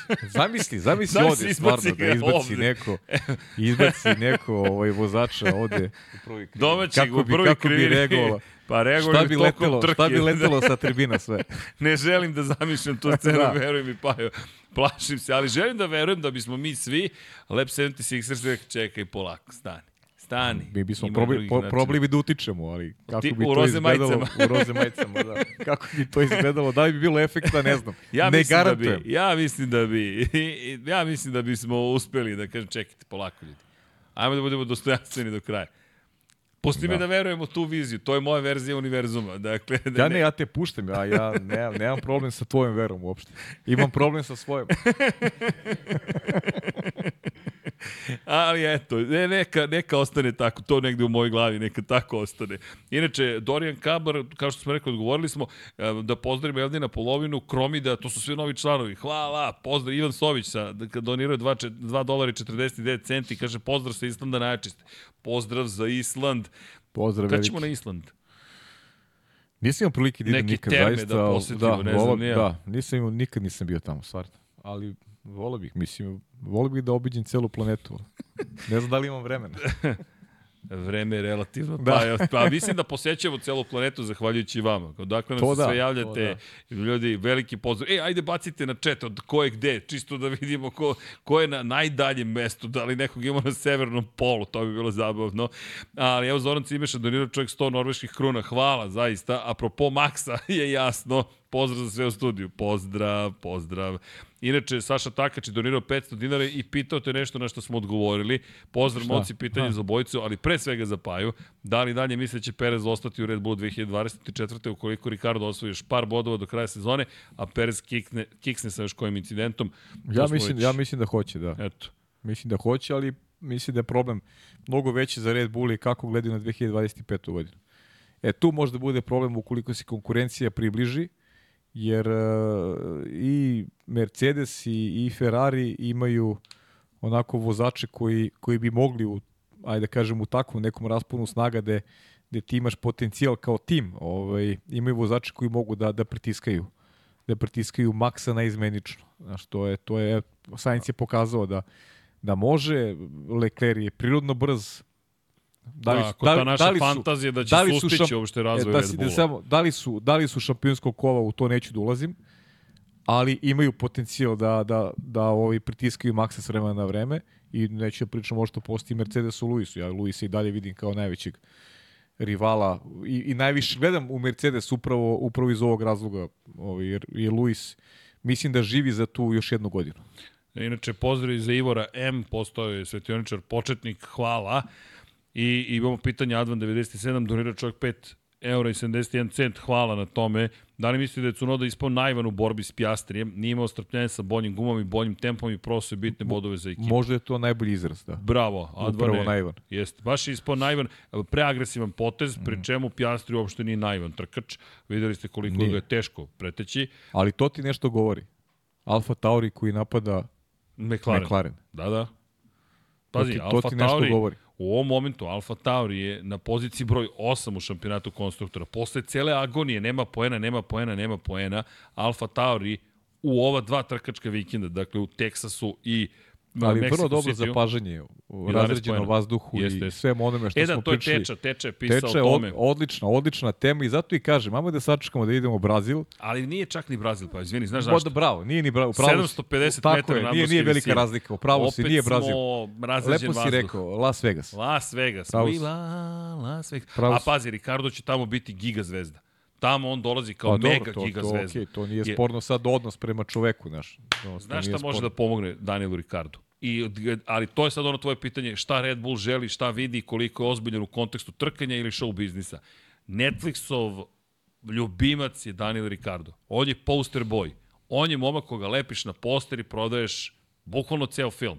Jer, veruj mi, ova trka u Mexico City, još ako Sergio dobije otkaz na kraju godine, to je noseća epizoda sledeće serije Netflixa. Ja ne kažem da je to dobro, ljudi, ja samo opisujem šta vidim da će se desiti. To je sledeće godine, jer samo zamisli kako će iz, izrežirati priču o velikoj nagradi Mexico City-a. Daniel Ricardo u momentu kada se vraća posle teške povrede i propuštenih pola godine i teških godina u McLarenu i onda ide prekid Ćao svima. On koji ulazi u studiju da da intervju je bio u Mexico City-u, na mestu gde Sergio Perez juri pobedu u momentu kada dva meseca nije se popeo na pobedničko postolje. A onda dolazi Perez, seda u studio i kaže... Da, pa, da, ako ga bude uopšte, pošto ako ga otpuste i njega nema, prazna stolica. Garantujem ti kadar ide na praznu stolicu i možda neki rez iz prethodne godine i onda ide to. Spet je bio na startu, uleće u prvu krivinu kontakt i onda ide, ide, ide scena bez muzike, nego zvuk sa tribina. A ne, a ne, zašto i tako dalje. I onda ide Daniel Ricardo, ne, ozbiljno. Samo vas pitam nešto, e, ili vi gledate Netflix? O, evo ga Ercig ovde, kakav crni Netflix. Ercix. Ercix. Preplatite se na Ercix i to je to. Ali to ti je to. I onda Daniel Ricardo, Lando Norris ga pretiče da li će osvojiti poene, neće. Prikazuju naravno njega dok, dok, dok je sa volanom i ovde se vide kopče. Razumeš? I to je već Srceparovića priča i tu je kraj. To je kraj. To ti je najgledanija epizoda. Daniel, velik, veličanstveni i tako dalje. Ne kažem da u manjem niti Dobro, bilo što okay. sad ti govorim show business i čudno, tako da ćemo videti. Ima, ima, mislim, ne, ne, I onda, ne, ne mogu da ti... Ovaj, Svetla Velegrada, Las Vegas. Ne mogu da ti ugasim sada svećice nikako, Teško zato da- što... sad, sad mi pale zato, svi, zato što, svi cilindri se popali. Ne, ne, pa ne, zato što ima, ima rezona. Ja, mislim, ti si to ispričao na svoj način, ima rezona, ja ne kažem da nema. Sve okej. Okay. Ne, 100%, sad mi se, ja mi se sve sklopilo sa ovim komentarom, Netflix. Bukvalno Netflix moment koji inače zaista uticao na, ali, na popularnost. Ali si lepo i naveo, na, šta gleda, šta gleda Red Bull u celoj priči. To, to, de, to si ti to rekao. Šta je, gleda Red Bull zapravo? Je. Jel Horner, da li je Horneru to bitno ili mu je bitno I, u, i u toj konstelaciji, I u toj konstelaciji snaga, da li su oni i dalje taj neki tim koji će da bude tu? Mm, Opet ti mm. možemo pravimo priču i na, i na tu stranu, ako već pravimo priču o Ricardu i Perezu. Šta se dešava na relaciji, uh, šta je bilo u Ostinu? Ko je, s kim je slavio Max Verstappen uh, pobedu? Gde je bio Christian Horner u onom društvu gde ajde možemo Dobro, bio a mi sa možemo Hel, sa Helmutom Markom. A mi možemo da pričamo, mi možemo da pričamo, znaš, mi stalno pravimo mi možemo svega da napravimo priču generalno. Pa eto i od tog detalja u Ostinu. Gde je Helmut Marko zajedno sa sa sa Maxovom devojkom, sa porodicom i tu i Max na slavlje. Nema tu Kristijana Hornera. I sad možemo postaviti pitanje gde je, gde je Christian Horner? Zašto nije Christian Horner bio pored Dobro, dobro, sad smo ušli u... Znam, pa znam, ne, ali znam, kažem ti, dobro. to, mo, to Čekaj, možda se pravi tako. Možemo znaš. kao Asterix, Asterix i Obelix, dakle, pa Jovix i Sarkovix, razumeš? Znači, da, imamo da. ceo bioskop. To... Jer, jer tebi, znaš, svaka, svaka slika, znaš, svaka slika može da ti ovaj Ovog se više plašim nego ja kad bi uđe da. nešto neki pa film. Ne, ali svaka slika može da ti kreira nešto u mozgu, neki neku neku ovaj priču koja koja ovaj ide onako kao teorija zavere. Možda je nametneš kao teoriju zavere ili kao neku priču koja se dešava, a pozdina bude onako apsolutno jedna nirvana gde, gde nema ništa, sve je složeno kako treba. Izvolite, vi pravite priču, nama odgovara da vi imate pravite priču, priču o nama. mi ćemo da guramo našu. Tako je, nama odgovara da vi pravite jasne, nama priču, jer mi smo brand i treba da imamo stalno neke priče, ona, uh, poželjno je, a vi, ovaj, vi cirkulišete sa tim i, i motajte kako vama prija. Vidi. Mi smo stabilni i to na nas ne utiče. Još Haas da je osvojio poene neki u Americi, pa Ginter Steiner da bude zvezda. Džin, Džin. We are looking stupid. Ginter je zvezda, pa do, nije, niko se nije mogao niko da izdrži. Ali Ginter je u problemima, pošto je Haas sada poslednji u šampionatu konstruktora, 12 poena, 16 bodova za Alfa Romeo, da. Alfa Tauri je sada osmi, 10 poena manje samo ima, 12 poena zahvaljujući sjajnom Albonu koji je bio deveti, Alex Albonu Williamsu ponovo odvezao fantastičnu trku. On je čovek, ljudi, dajte mu zlatnu medalju. Vlado, možeš da nam vratiš strategiju, molim te, pošto ono izgleda spektakularno šta čovek radi. Dakle, pogledajte Alexa Albona, On je jedan od redkih koji je započeo trku na tvrdim gumama. On i Esteban Okon. I promenili na pola trke gume i to je to. Čak Albon, kao i Pierre Gasly, je zapravo napravio taktičku grešku. Norris Verstappen jedini pa ne, nije, nije, nije to taktička greška, nije, to je, to je, sreće. Tako je, loš moment, loš moment. odluka, loš odluka, ali, Pogledajte. ali, ali nešto je razlika između Albona i ostalih vozača na tvrdim gumama? Što je njegov, njegov oba starta su bila ovaj bila dobra. Jeste. I start i restart. Start na tvrdim gumu, on je nadoknadio tri pozicije. To nije uradio jedan. Svi su oni padali, gubili su ovaj, u plasmanu na tvrdim gumama, Albon jedini napredovao. I to je to je nešto što ga uvelo u, u priču da smo u ranoj fazi trke rekli Albon će biti u poenima. E, pazi sad ovo. Ajmo prebaci samo na tempo vozača. Tu imaš lep balon Albonov da vide ljudi. Albon je razvukao jedno stajanje školski. Dakle, vidjet ćete distribucija zapravo tempa. Evo ga Albon tamo, deveta pozicija, ovo je vodećih deset, odete ka njemu. Dakle, Albon je čak u jednom momentu imao krugove koji su bolji od Pjastrijevih. Alex Albon je odvezao sve što je trebalo da uradi. Razvuko je to, bukvalno, na način na koji je morao da učini praktično i doveo do toga da ti kada pogledaš, njemu čak vremena idu ispod i Ricardovih i Pjastrijevih, pa čak i Raselovih. Dakle, da. on je u Williamsu imao čak i neke situacije gde je, gde je ugrozio i Rasela. Ljudi, sa jednim stajanjem. Alex Albon. I još je rekao, pa nije baš bilo lako i nije bilo optimalno, bilo je mnogo zapravo kontrole celog tog bolida, dva poena čovjek i rekao je, čak i da smo se bolje kvalifikovali, bolje od ovoga ne može. Ne može bolje od ovoga. Idealan čovjek da, da, da, evo ti recimo, on je već bio u Red Bullu. Ali da li bi on rekao važi pustiću pa ne maksa? znam, znaš, znaš, znaš nije to, to je, pitanje brzine. A to ti je percepcija sada, znaš, ljudska njegova, karijerna, znaš, gde, gde sebe vidi. Da li on, da li on ima potencijala da, da negde dođe u neku veliku ekipu i kažemo, ok, eh, evo ti bori se za šampionsku titulu. To je sad njegova, kaže ti, procena.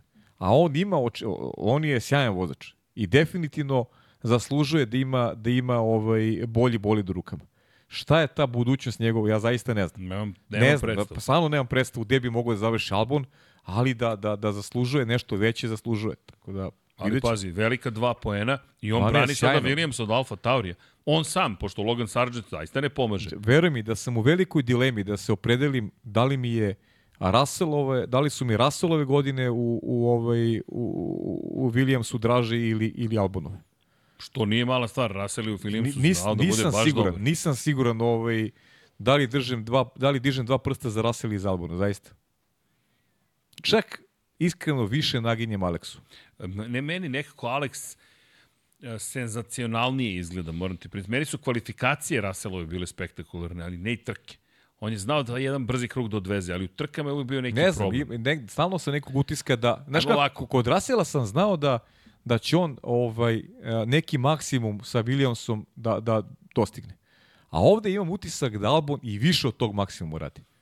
E, to je, to je nešto što, što onako možda za neku iskali, za neku iskali više ovaj, uh, ocenjujemo ovaj Albona, ali kažem, to je Znaš, samo moj, moj stav, ništa više. Da je manje grešaka pravio u nekim pa, ključnim momentima. Ima, ima i toga. Mislim da je ima čistiji po tom pitanju. Prosto da, da je precizni. Da, iskusniji, ali to mi je utisak. Nisam bio njegov fan kada se pojavio iskreno, ali što je više u Formuli 1, uh, sve više volim da ga gledam i pošto je maksimalno, baš bi, i baš bih voleo da da dobije neku, neku veliku priliku. Volio bih da ga vidim u nekom velikom projektu. Oni Lando su bili baš veliki rivali u nižim kategorijama. Baš su bili veliki da. rivali. Inače, tih sada 28 poena, 12 poena prednosti u odnosu na Alfa Tauri. Alfa Tauri koji je 11 bodova osvojio u poslednje dve trke. Dakle, u poslednje dve trke je 11 bodova za Alfa Tauri. Pri čemu? Prethodna trka srećne okolnosti diskvalifikacija Leclerca, diskvalifikacija Hamiltona, pa dobiješ to, dodatne poene. I najbrži krug trke. I najbrži krug trke, da. ali ovoga puta legitimna sedma pozicija Daniela Ricarda, zami, čisti zamisli poeni. da je bio malo pametniji ovaj, Yuki Tsunoda. Uf, da je bio malo, malo strpljiviji, znaš, možda čak i osma pozicija. Možda čak i osma. Vrlo to su moguće. četiri poena, a Albon osvaja poen manje. I onda Williams ima 27, a ti imaš 20 poena ne da je otvoreno, nego Alfa Tauri legitimno može da juri poziciju zapravo broj 6, 7 do kraja šampionata. Što uopšte nije mala stvar, pogotovo posle ove katastrofalne sezone. Da. Tako da Alfa Tauri, i to isto je zanimljiva priča, šta ćemo sa Alfa Tauri, kako god da se bude zvao naredne godine. Mi dalje nemamo predstavu kako će se Alfa Tauri znati, zvati. Mi samo znamo da se menjaju čelnici i da ta ekipa ostaje sa Hondom, to je sa jel te, Red Bullom, ali sve ostalo i dalje prilično nepoznato. Pa enigma, da. Držimo im palčeve svakako. I a, da, malo pre si spomenuo, inače, ne zamerite, mala digresija, Liam Lawsona. Liam Lawson koji inače nije osvojio titulu u japanskoj no. super formuli. Ispratio.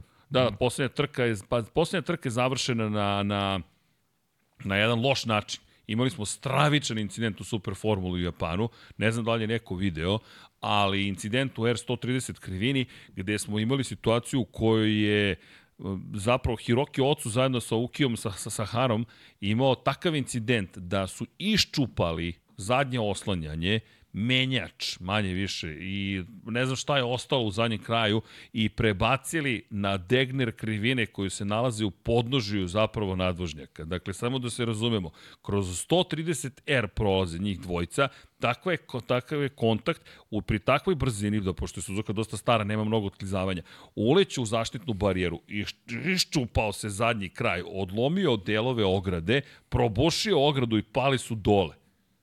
Dakle, potpuna katastrofa. To je jedna od redkih, inače, staza gde imate figuru osmice, a dame nas napuštaju e, koje su nam donale tortu. Devojke? Devojke, hoćete, hoćete Devojke, još jedno parče za kraj ili... čekaj, čekaj, čekaj, čekaj, čekaj. Ja sam katastrof... Stani, ja sam, da li sam zapisao Ja sam katastrofalan s imenima. Uvek. Piše u četu, Katarina. Piše u četu. U kom? Meni si poslala poruku. Eto. E, moj srđene. Eto ti. Dakle, ima, e, ima mi poruku. Srđene. Ja sam šampion poruka. Ko, ko god mi pošalje poruku. U, u četu si poslala, Kat, a pa ne, čet, nisam stigao da pročitam. Dakle, Katarina i... Aleksandra. I Aleksandra. Uh, momci, hoćemo mi jedan aplauz, ali tihi zbog beba. Je, za Katarinu. Hvala. Devike. Hvala, šta da kažemo, hoćete nas vratiti ponovo? Pa ta, ta šolja mora da se... Vratite, pa ima... Ali kad no. bude 40.000 subscribera. Pa, pa sad si otkrio. Pa ne, šolja. Aha, šolju. Šolja. Sezona vam je kolo... Pa da. kolokvijuma, ja.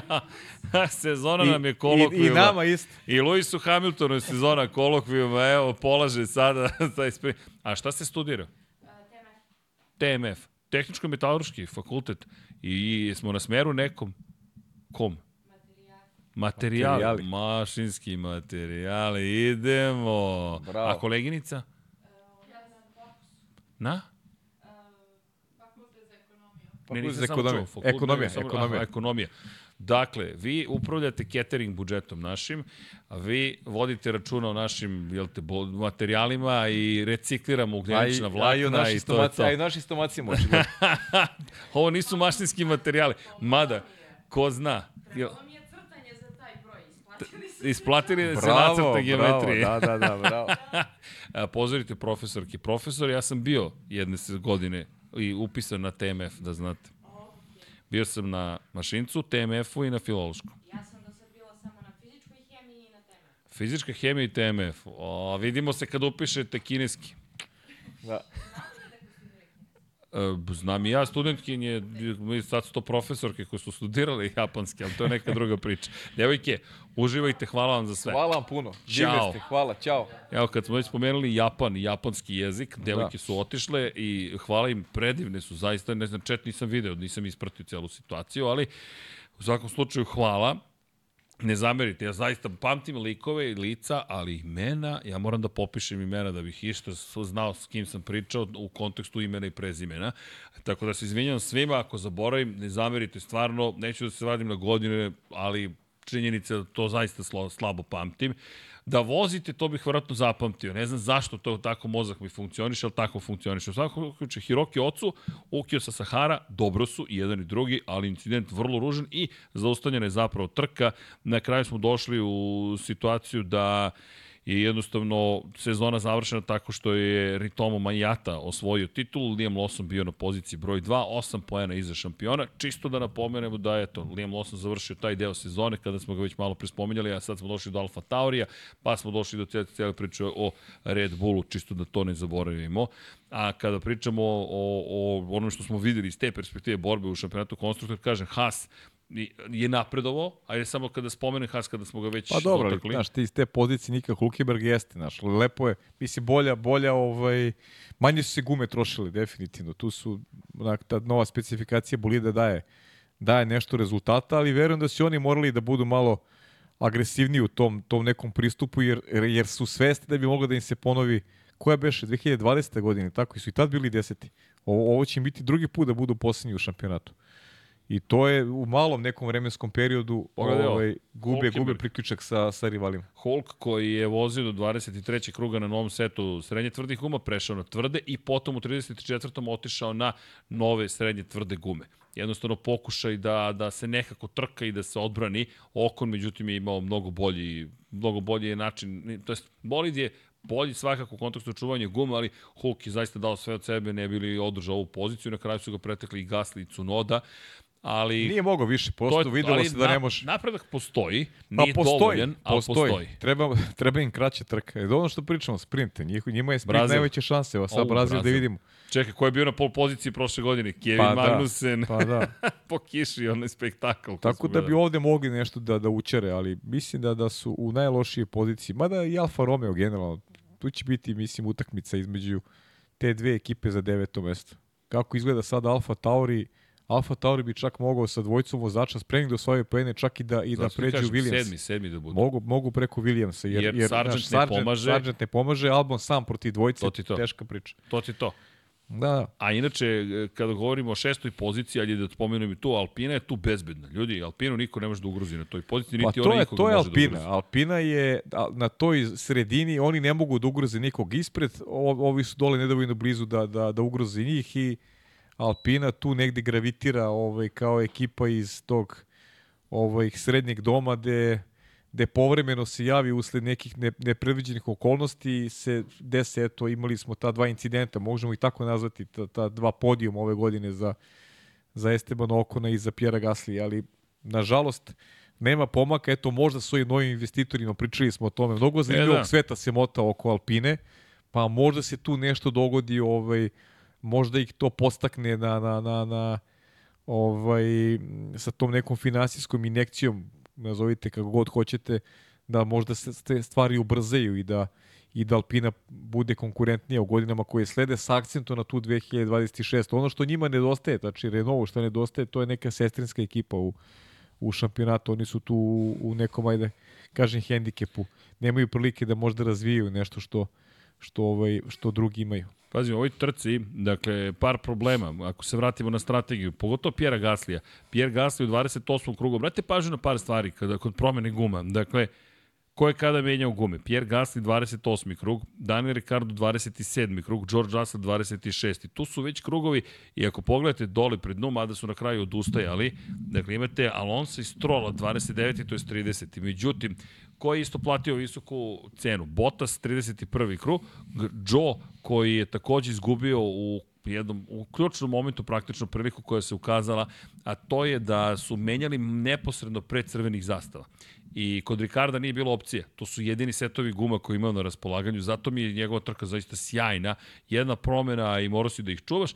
S druge strane, Kada pričamo o Gasliju, Gasli je pokušao da se podvuče ispod ostalih, dakle da udari undercut popularni, da ima čust, čist put ispred sebe i to se prosto nije isplatilo i stoga i trka nekako nije bila dovoljno dobra, bio je 11. Tako da, I dalje mislim da je, da je Gasli u boj, boljoj formi od Okona. E, ali prosto se ovde se da, stvari pa, nisu, nisu poklopile. Da, nisu mu stvari poklopile, samo to. I ima još jedna stvar, kada govorimo o Alpini, moram priznati da iako je to zvučalo onako sjajno, hollywoodski, filmski, Netflix je ponosan na taj moment, o Esteban Oko kada poručuje recite Hasu da stižem. Znaš, i to je, to je ako duševljenje. Ali, i znam, i mene zasmijalo, ja se smijem, to kao idemo, okone, to. Ja sam, ja sam tada navio i sve snage za Hluka da, da sačuva tu poziciju. Da, ali, ali i svi su bili inspirisani, ali znaš šta je tu problem? Ti si u Alpini i ti najavljuješ Hasu. Pa to ti pa, stiže. To je kao da nas dvojica uđemo u školsko dvorište, osnovne škole i kao, ajmo, ko je za basket? Pa da, pa ne znaš, samo to, znaš. Stigli smo. Pa slušaj, to, to ne priliči, to, pa to ne priliči ni, ni šampionu nekom, znaš da kaže, tako nešto. Da je rekao Hamilton je ispred njega. Da, a nije... Da ne znam, Max je ispred njega. Što to ne kažeš kao, e, to je Jordanovski onaj moment. A, da. Lako je kad, si, kad vodiš, kad imaš prednost, pa ti kao, znaš, ko, nešto ti ko sam ja. Ali kad je 0-0... Alpini kad, ideš, ideš na, ideš kao, na Haas. Zna, kao Hulk je gotov, kao srediću ga. I ti sredio ga posle 20 krugova. Hulk mu objasnio vožnja, de, škola defanzivne vožnje. Znam. Mexico City 2023. Znam malo da kaže nešto live Nemoj. U, u stil... Bebe, A? bebe nas slušaju. Da, mislim da si, da, da si skapirao šta sam hteo. Bolje da ćutim. Ajde. Bolje, nemoj. Vodimo računa. Budimo, budimo pristojni, ali... Hoćemo, ajde. Ali, ali zaista poruka. Evo me. Stvarno, Ma ne, to ti je poruka. Ok, uradi to sada Norrisu, uradi to sada Hamiltonu, uradi to sada, ne znam. Mislim, znaš, ako, ako, si, ako si se nameračio na Hulka, kao, kao ok, Hulk je, Hulk je sjajan vozač, ali daš, Hulk upravlja upravlja Hasom, a ti si kao, znaš, ti ga napada, znači, tako se navio za... Jedi, jed, to, to me malo... A bit će iskren, šta e, bravo, to me razbudilo. Ja, ja, Niste ga videli u kabini. O, o, sr, srđana zna, ja sam, ja sam kod onog Magnusina, nervni slom sam dobio kad je Magnusin završio na zidu. Jeste upropastio je, upropastio je sve ono što smo pratili, znači, stvarno mi je trka, odisala je Ostinom, znaš, odisala je Ostinom trka do tog incidenta Magnusina. I, I mislim da bi čak bilo u tom taktičkom smislu i dramatičnije. Ne, ja znam kako smo polako da. počeli da se unosimo pa ne, u ekran, jer da, sad da. ti gledaš Verstappena koji Znaš zašto? Neke ja, ja, moram, ja moram pohvalim Šarla. Šarl imao sjajan tempo na, na srednje tvrdini guma. E, to je sad ono što, što de, de stoji, ono tvoje i Dekijevo, de sam ja, ja opet imam jedan malo drugačiji stav, to je sad neki ljudski aspekt kako treba pristupiti Šarlu. Ali, ali ono što mi se najmanje dopalo u, u, u ovaj, tokom e, Šarlove trke, to je moment kada su bili istaknute crvene zastave. Na šta mi se najmanje dopalo? Mislim da ćeš, da ćeš se setiti. Dobro. E, seti se ovaj, jedini njegove komunikacije tokom stajanja ovaj, u, u boksu i čekanja da se trka nastavi. I, Kada je rekao imaće, imaćemo problem, imaćemo sa, problem sa tvrdim gumama. Kaži, stavite mi srednje tvrde gume. E, ali, ali i, i, tu, tu su dva problema. Prvo, kada već kada već nisi izabrao te gume, dakle kada si u situaciji da, da ajmo ovako, dakle prva stvar crvene su gume. Ima koliko koliko vlado ne, ne, ti? Ne, šta crvene? E, crne zastave su crne u pitanju. Zastave. Dakle, imamo situaciju sledeću. Poslu sam nešto vladi, sad ćete da vidite. Crvene zastave, Charles Leclerc sedi. Evo, gume koje su na raspolaganju. Ovo je mnogo bitan moment. Obratite pažnju na, sa leve strane, od ozgo, treću poziciju. Charles Leclerc, broj 16. Novi set tvrdih guma, novi set srednje tvrdih guma i jedan set korišćenih srednje tvrdih. Ako se prebacite sad na strategiju samo na sekund, vidjet ćete na kako je počeo trku Charles Leclerc. Dakle, on počinje trku na srednje tvrdim gumama. Potpuno novim. Prelazi na tvrde nove gume u 31. krugu. U 32. se dešava incident, u 33. većina odlazi da zameni gume, u 34. oni koji nisu zamenili, pošto su crvene zastave, kažu čekaj, sada razmislimo šta ćemo da učinimo. Ko menja gume? Hamilton, Russell, Piastri, Okon koristi priliku da obavi jedino stajanje, Cunoda stavlja novi set tvrdih guma, pošto ima na raspolaganju, Hulkenberg stavlja novi set srednje tvrdih guma i novi set srednje tvrdih guma stavlja Logan Sargent. Gde je u toj priči Charles Leclerc? Charles Leclerc, da se podsjetimo, onog prethodnog grafikona, ima jedan set srednje tvrdih i sad dva problema. Ti sediš tu pod crvenim zastavama i umjesto kažeš menjamo gume, tada, ti radiš još goru stvar, ti pustiš da se gume ne zamene i onda pred početak kažeš mislim da ćemo da imamo problem. Ne znam šta mi je gore, čuti onda. Pa ne, vozi i završi to. Ajde, znaš, uh, ti si malo hronološki si to i, i bolje odradio, ali generalno to je poruka koju nisam prokomentarisao u, u direktnom prenosu, čak posle jednom momentu mi se učinilo malo je onako iskreno i, i, i padala koncentracija jer od, od, od svih tih ovaj, ovaj dešavanja i, i, i činjenica da, da smo imali prekid, malo su negde, negde niti ovaj, nisu baš uhvaćene na najbolji način, makar sa moje strane, nisam baš ovaj, najzadovoljniji ovaj, ni kako sam ja uradio tu trku, kako sam je, ovaj, kako sam uh, je ispratio, a u jednom momentu mi se učinilo da ta taktika sa tvrdim gumama čak uh, bi mogla da bude prednost odnosno Mercedes u finišu, ali bila je prednost uh, Sainca ovaj, u odnosu na, na Russella, Hamilton je uništio Charles Leclerc i uh, kapa dole, ali mi smeta definitivno što uh, ni jednom ovaj, nije spreman da u tim nekim važnim momentima preuzme tu neku vrstu odgovornosti i kaže ljudi, hoću da pobedim, dajte mi, dajte mi srednje tvrde gume. Ili je možda rekao da mi to nismo čuli ali sudeći po tom komentaru poslednjem, mislim da, da od toga nije bilo ništa, da, da nijednog momenta on nije tražio srednje tvrde gume, ekipa nije reagovala i nekada mora i sam da preuzme tu neku vrstu odgovornosti. Znači, više bih volao da sam ga vidio na srednje tvrdim gumama, pa na kraju da je bio i peti, šesti, mnogo bi pozitivniji ovaj stav bio onome što je uradio na stazi. E, to treće mesto, veruj mi da, da e, nek, iz nekog mog pogleda nema apsolutno nikakav znači. Ostaće njemu taj pehar prvi put u Meksiku, ali generalno ovaj ta treća pozicija ne, ne, ne, ne predstavlja ništa ništa značajno u sezoni ovaj koja se uskoro završava. Neko se našalio na sajmu da čekamo moment kada će se javiti i reći plan C, plan C. Znaš, plan da, C, da, plan da, B, plan da. D, plan A, plan G, F, H, 18, 14. Da, deluje kao da imaju, oni razmišljaju o svemu, kao da imaju 77.000 planova, A, a, a to izgleda, a izgleda kao da su se dogovorili sve pre trke i nisu spremni ni jednog momenta da, da, da te planove svoje koriguju. I me, to je stvarno nevjerovatno. Znaš šta me posebno zbunilo, morate priznati. Charles manje više, navikli smo da Charles zaista se povinuje ekipi, ali da ni Sainz ne rizikuje, imam utisak da, da da, da nisu se pripremili kao prošle godine Mercedes, što je pocenio koliko srednje tvrde gume mogu da izdrže. Da, se vratimo, Srki, Sainz, Sainz nema konstantnost, to je. Sainz, ali, Sainz nema konstantnost. Ali sam očekivao agresivniji potez. Ne nužno da će biti brži, ali agresivniji potez da će, da će izvesti. Pritom Sainz da je slušao ekipu i se sećaš komunikacije između tima i Sainza kad su mu rekli da će se Russellove gume potrošiti? Da. Pa onda je reagovao na to da će se Russellove gume potrošiti, da, da, da je odustao od duela. Pa tek Rasule gume su potrošili tek u posljednje dva ne, ne, kruga. Ne, ne, naravno, naravno, Znaš, vidi. Mislim ali... što ti praviš kao, kapir, ti šalješ pogrešne poruke tako je, šalješ pogrešne konstantno. poruke, zato što i Lecleru je rečeno isto, da će u jednom momentu Hamiltonu da, da, da, i tu je kao pala nešto razlika, Luis otišao na 8 sekundi. Ču, on je na kraju... I vozio najbrži krug trke na srednjem na pos, U poslednjem, krugu, krugu. Zato ti kažem, 2022. Mercedes je bio na, na strategiji jedne srednje tvrde, dva puta tvrde gume.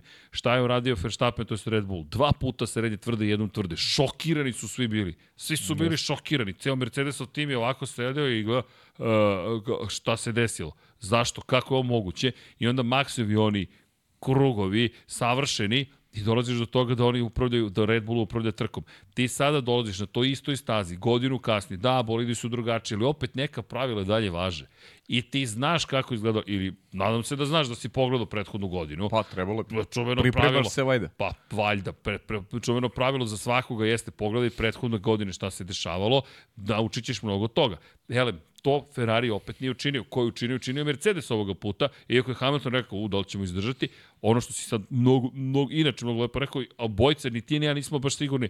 E, Mi sami sebe dosta kritikujemo posle Pa trke. ne, mislim, da li imaš- smo, nismo, jesmo, Imaš osjećaj posle trke, najbolje Da znaš li je to to ili nije. Austin je bio sjajan, znaš. Ja pričam u svojim, ne, ne, ti si izvukao si ovu trku, jer ja stvarno mi koncentracija bila baš baš slaba i ja priznajem ovaj, kad, kad osetim da mi nešto, da nešto nije Mi dobro, smo priznajem. Ba, mislim. da, Dvojac, Tako je, četverca. bez kormivara.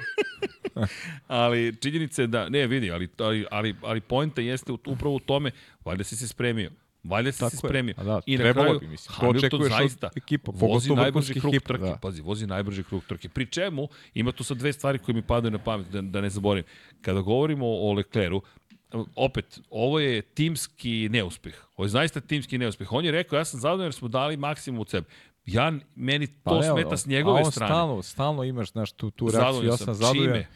Dali smo sve što Čime? imamo, znaš. Ili, ili ima priča, ili ima priča kao u Ostinu, treba da razgovaramo, pa ti onda ne vidiš ništa, znaš, ti ne vidiš epilog, šta su razgovarali. Da li, Ne, ne, zna se, on je rekao, pogrešio sam.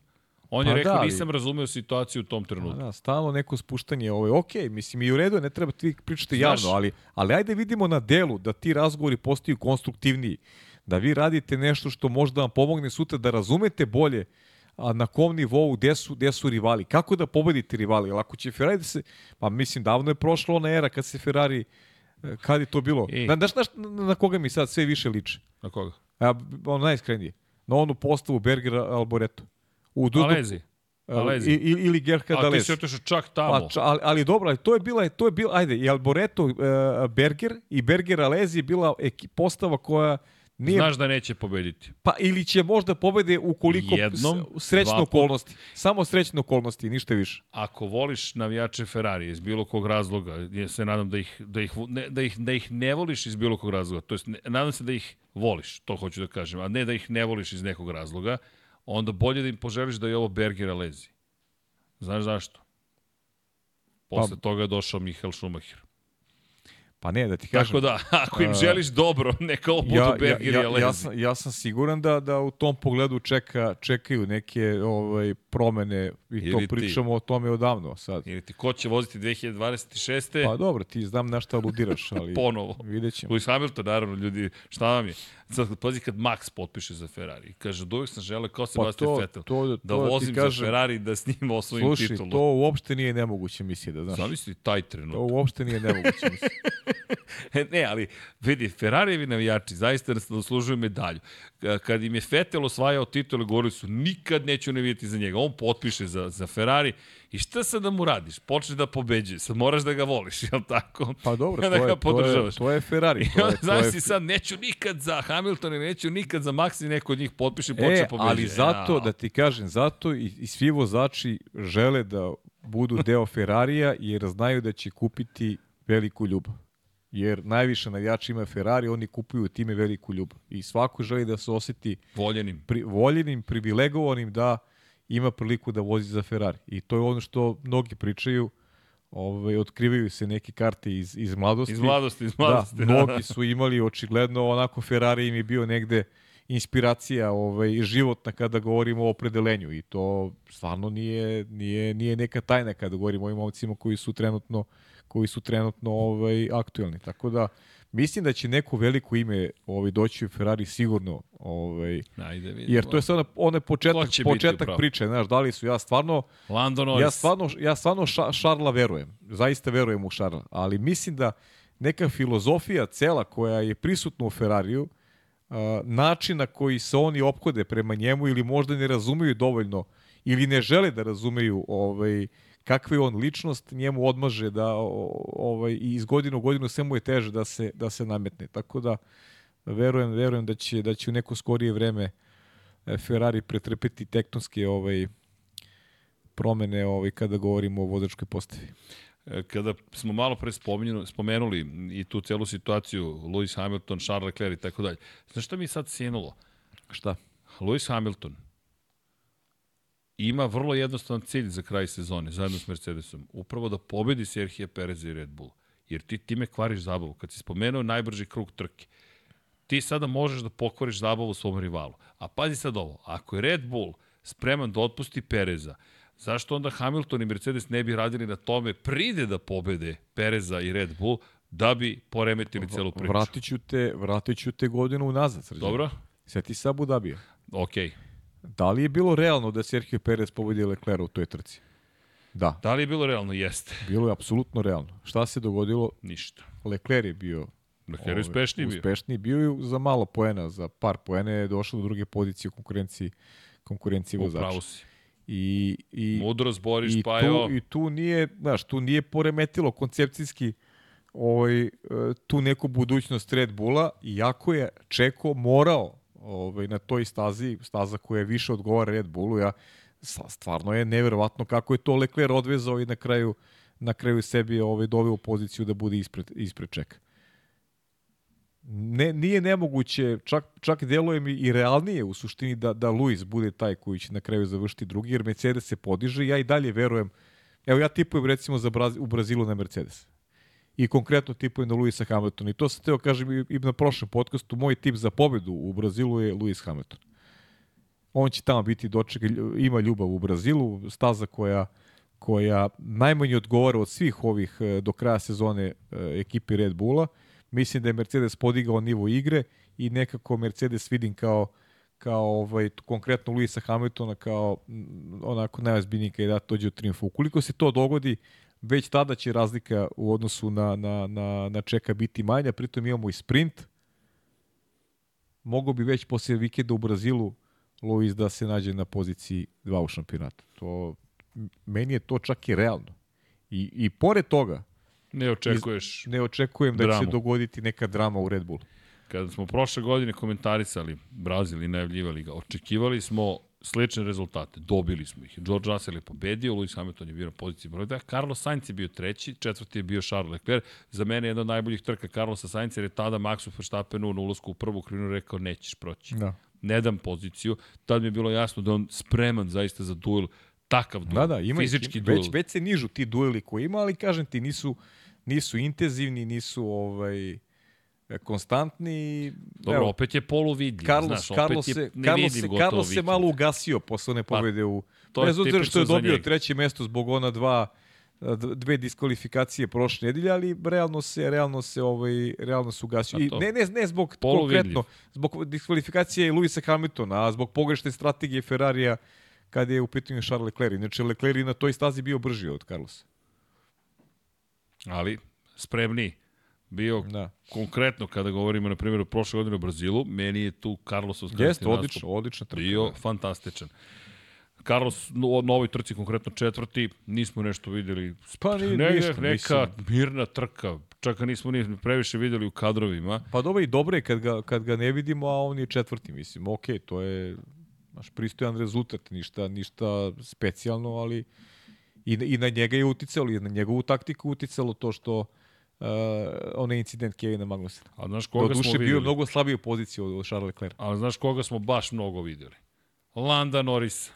Ma da, Lando je... Lando je odvezao sjajnu trku, ali loš vikend. Za mene loš vikend. Pa dobro, jeste. Ne možeš ponovo sa takvim bolidom dođeš u situaciju, mogli smo više, trebalo je više, morali smo bolje.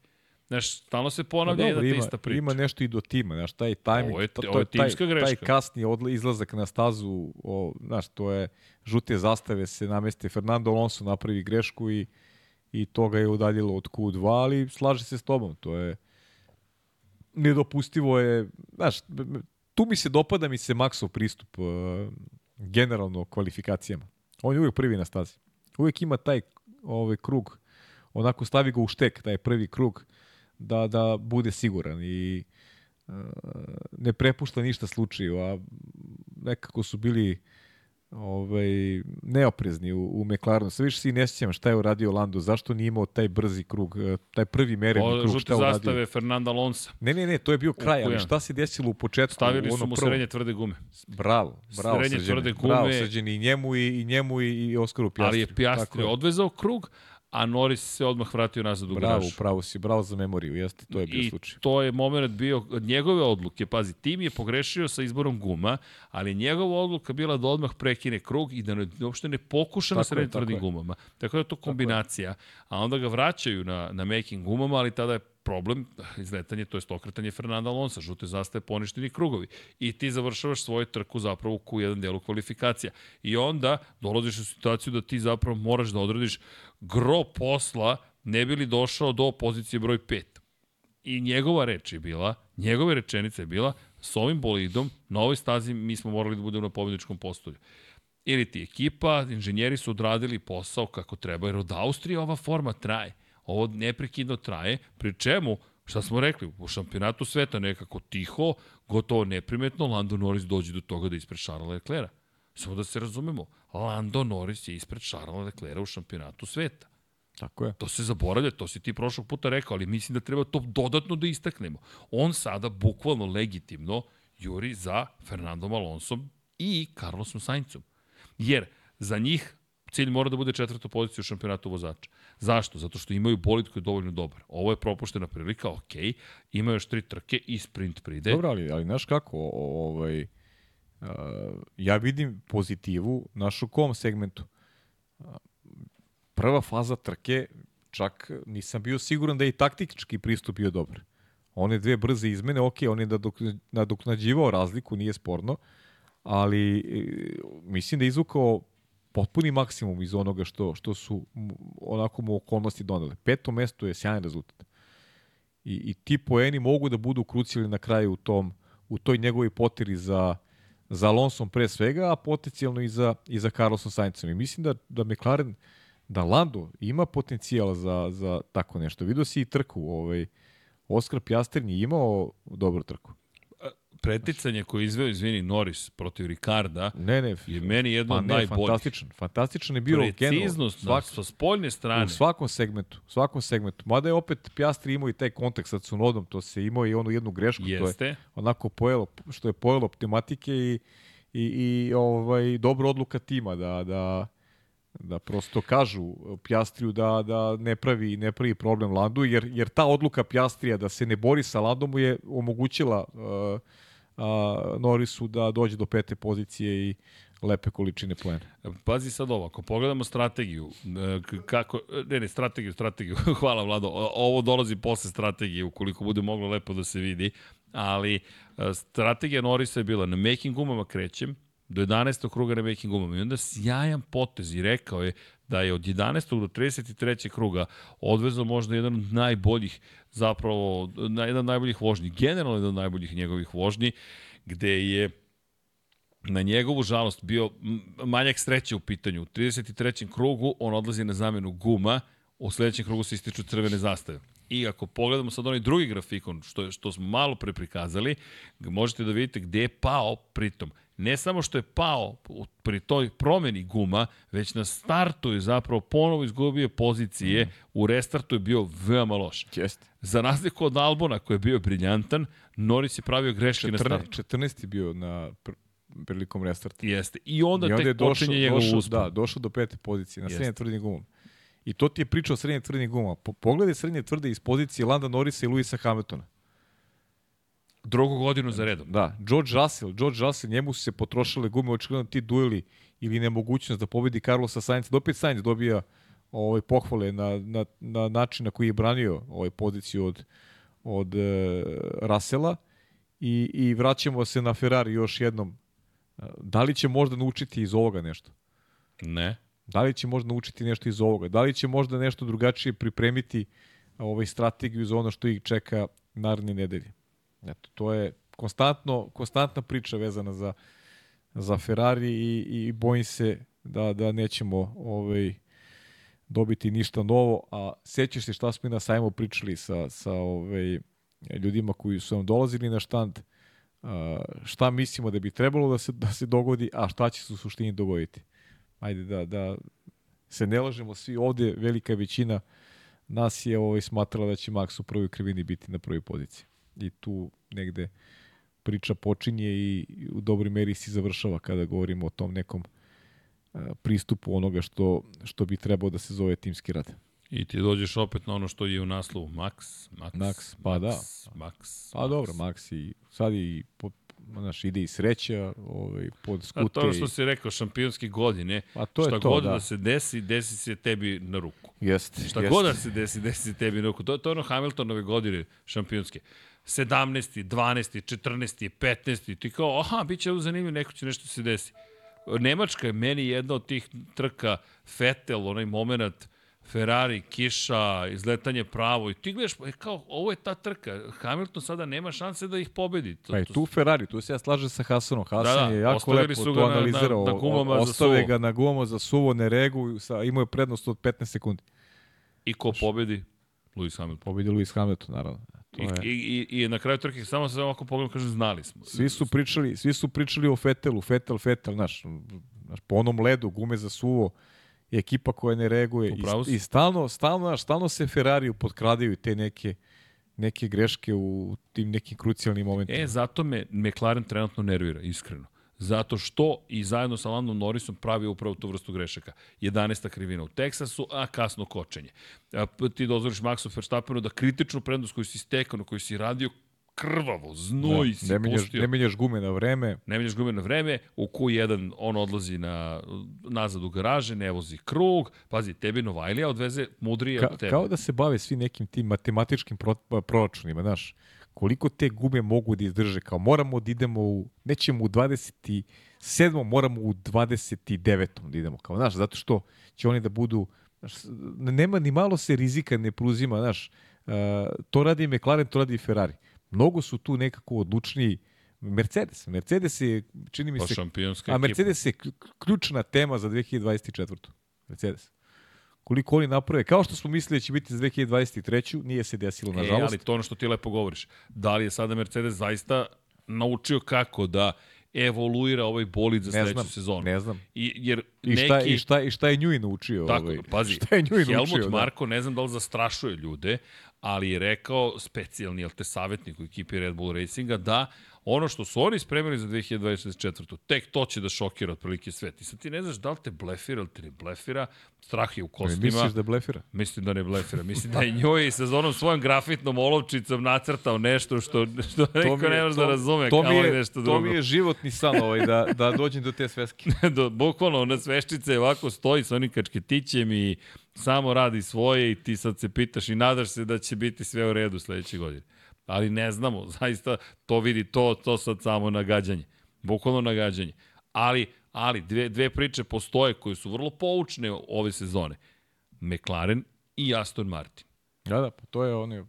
Ono što si lepo rekao, zamenili su pozicije. McLaren koji do Austrije kreće ovako, a Aston Martin koji kreće na dole. I evo, druga trka za redom u kojoj Fernando Alonso ne stiže do cilja, problem kvar na Ali bolidu. to ti je Srki ujedno i, i najlepša priča onoga što gledamo, znaš. Koliko je formula kompleksna u stvari, zašto najviše volim. Nema garancija. da ne, apsolutno nema nikakvih garancija i da, i da stvari mogu da se promene na bolje, ali možda doživiš jedan sunovrat ukoliko, ajde da kažem, ne pratiš neke, neke ovaj, tokove, ne ulažeš dalje ili se zadovoljiš onim što si uradio.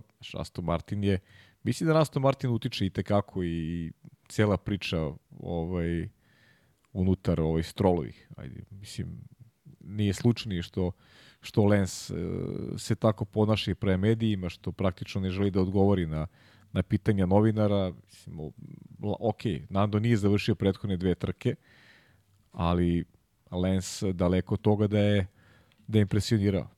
Sedmo mesto je u, u Ostinu opet bila posljedica tih diskvalifikacija.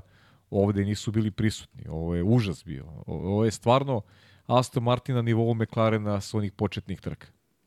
Katastrofa baš su izgledali kao tim koji koji ovaj otaljava posao i, i živo me interesuje kako izgleda, šta se dešava kod njih, da li postoji neka priprema za narednu godinu, kakve su ambicije Lorenza Strola, ništa mi tu nije jasno i najiskrenije. Kada pričamo o Aston Martinu, celo ta epopeja, da li će se prodati, neće se prodati i tako dalje, ne znam da, kako će sve to završiti. Zato sam i rekao da, da. Ali, ali pazi sad ovo, tebi su sada rezultati sve loši i loši. Tebi su sada rezultati sve loši i loši. Kako ti sada hvataš kompas i sređuješ tu ekipu? I da li ćemo dobiti sada lošiju verziju Fernanda Alonso na kraju sezone? Fernando je za sada vrlo smiren i rekao je da je zapravo imao problem od samog početka trke i da je stoga pustio Strola da, da ne utiče na njegovu trku. Nije idealno, ali radit će na tome. Sad, jedna trka, druga trka, to sad već polako postaje niz. Da. Izgubili su poziciju protiv McLarena u šampionatu konstruktornom momentu. Mi smo pričali, vidi, pozicija Saki, broj 2. Pa samo ti kažem, sad pričamo, pričamo o, o 10 trka. U posljednjih 10 ili 11 trka Lando ima jedan podijum. A, Nando, pardon, ne Lando. Podijum u Zandvortu. I tada smo uh, bili mišljeni da to Nando uradio na neki svoj kvalitet, na, na, na činjenicu da mu je negde staza odgovarala. Uh, uh, zaista jedna perfektna vožnja. Više posljedice njegovog umeća nego nekog napretka ekipe. Oni su već duže vreme ovako u padu koji je sada pa sada ne, nema kraja. Ovo je sad ovo je, baš potpuno, problem. potpuni problem i i, i zaista me zanima kako, što, ne, ne, ne znam, možda čak ima ovaj, uh, onako realnih priča oko, oko te potencijene prodaje, jer, jer stvarno miriše da, da, da, da neki, neki odnosi tamo nisu, nisu najbolji. Oba, nazdravlje. Nazdravlje.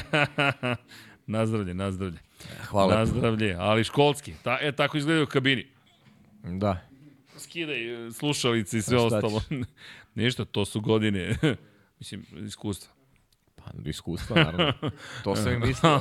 Ne, ne znam da si ti aludirao. Da, ništa, samo, samo da budem precizan u izražavanju, da, ništa drugo. Moraš. Inače, malo pre kada smo pričali o cijeloj toj priči Red Bull, Mercedes i tako dalje, zaboravio sam da napomenem izjavu važnu Luisa Hamiltona, koji je i jasno stavio do znanja. Rekao, mi moramo klinički precizni biti u svemu u strategiji, u vožnji, u kvalifikacijama, ono što se meni dopada i gde još više cenim i trenutni Red Bull i nekadašnji Mercedes, koliko je zapravo neophodno da bi uspeo u Formuli 1.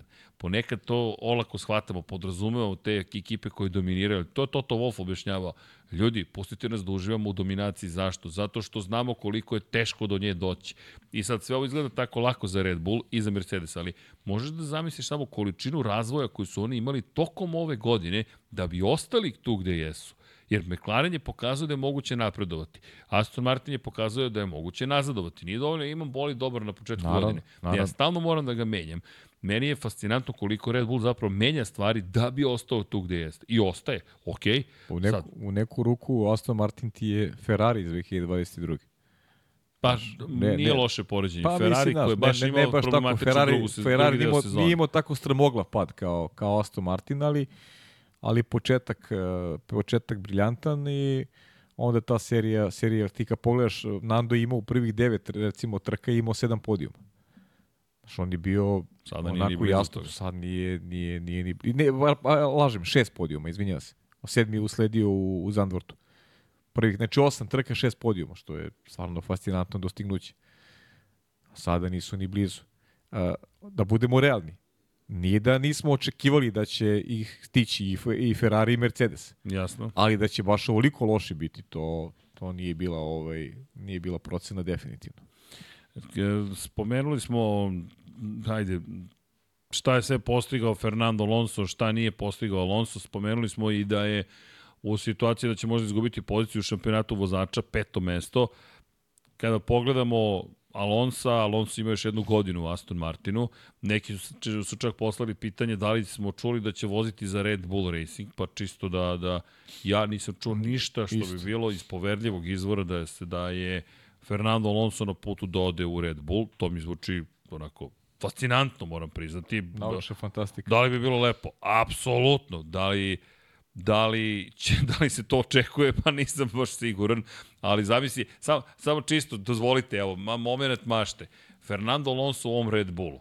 Ja, samo zamislite duele između njega i Maxa Verstappena i kako bi sve to zajedno izgledalo. Setite se Luisa Hamiltona i Fernando Alonso u istom bolidu u McLarenu 2007. godine. Ne, da, 2007. godine. Nije to tako jednostavno, ali, ali čisto bilo bi pa, jo, zabavno pa, pa, naravno, drugo. Pa nemam dilemu. Samo onako, malo mašte. I, I, mogu i da zamislim. To... Ali da, to je bilo zanimljivo ali, pitanje. Ali isto tako, isto tako, ovaj, znam da se to neće dogoditi. Da, inače, e, Filip Knežević se pridružio ekipi, svetioničar početni, hvala, hvala za podršku. I Ejhil, koji već 7, član, 7 meseci član, kaže, baš je lepo vidjeti koliko novih svetioničara večera znaju ljudi koga treba podržati. Inače, info za Paju Partizan je pobedio.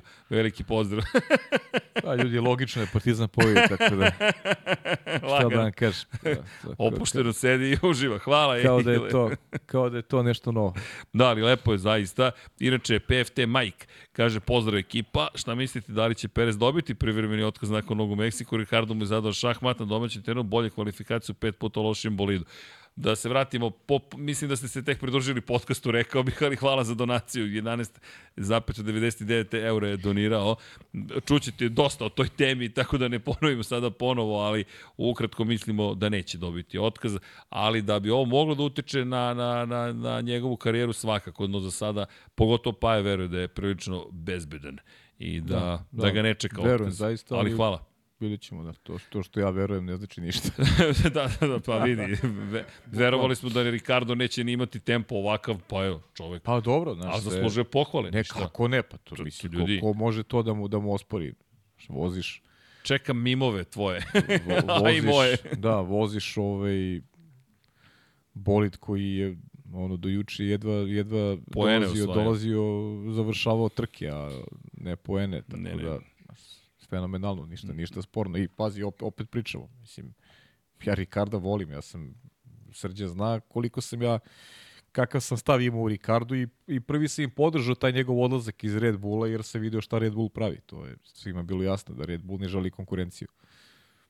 E sad ti, znaš, obrneš krug i onda se opet vratiš na nešto, znaš, to, to nekako mi ja, znaš šta je možda moj otpor? Ja možda ne želim da vidim Ricardo opet u toj, znaš, ne, ne želim da, da vidim da je obišao krug Aha. u kome je pobegao od Maxa Verstappena, ne da želiš da bude broj 2 i onda se vratiš kod njega da bi jednom momentu bio broj 2.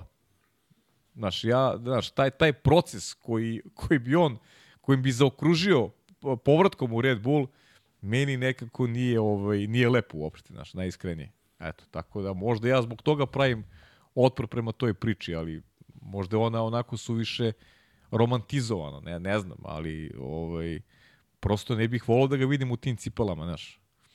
U, gde će on... A zamisli, dođe Daniel, izvede Nika Rosberga. Daniel, skloni se, prolazi Max. Važi. A, a zamisli, izvede Nika Rosberga.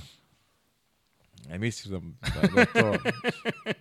A dobro, ali znaš šta, sad bih voleo da dobije, ne zbog tebe, da te nervira, ne, ne da me sutiš da. pogrešno, ali bih voleo da dobije ugovor Pa ajde da vidimo. Pa do, mislim, kako, ajde kako da vidimo. Rekao, ja stvarno... Serhija stavite u Alfa Tauri, dakle, stavite ga u Alfa Tauri, onda, pazi sve, onda Red Bull. Onda Red Bull uvijek može kažeš, pa imamo i Serhije, možemo uvijek ti zamenimo. Ja ti kažem, ja bih imao drugačiji koncept, jer, jer treba verovati mladim ljudima. Ja, o tome ti pričam. Ja bih stavio Lijema Lawsona, znaš. Ja, Lijem Lawson je, Lijem Lawson je brz.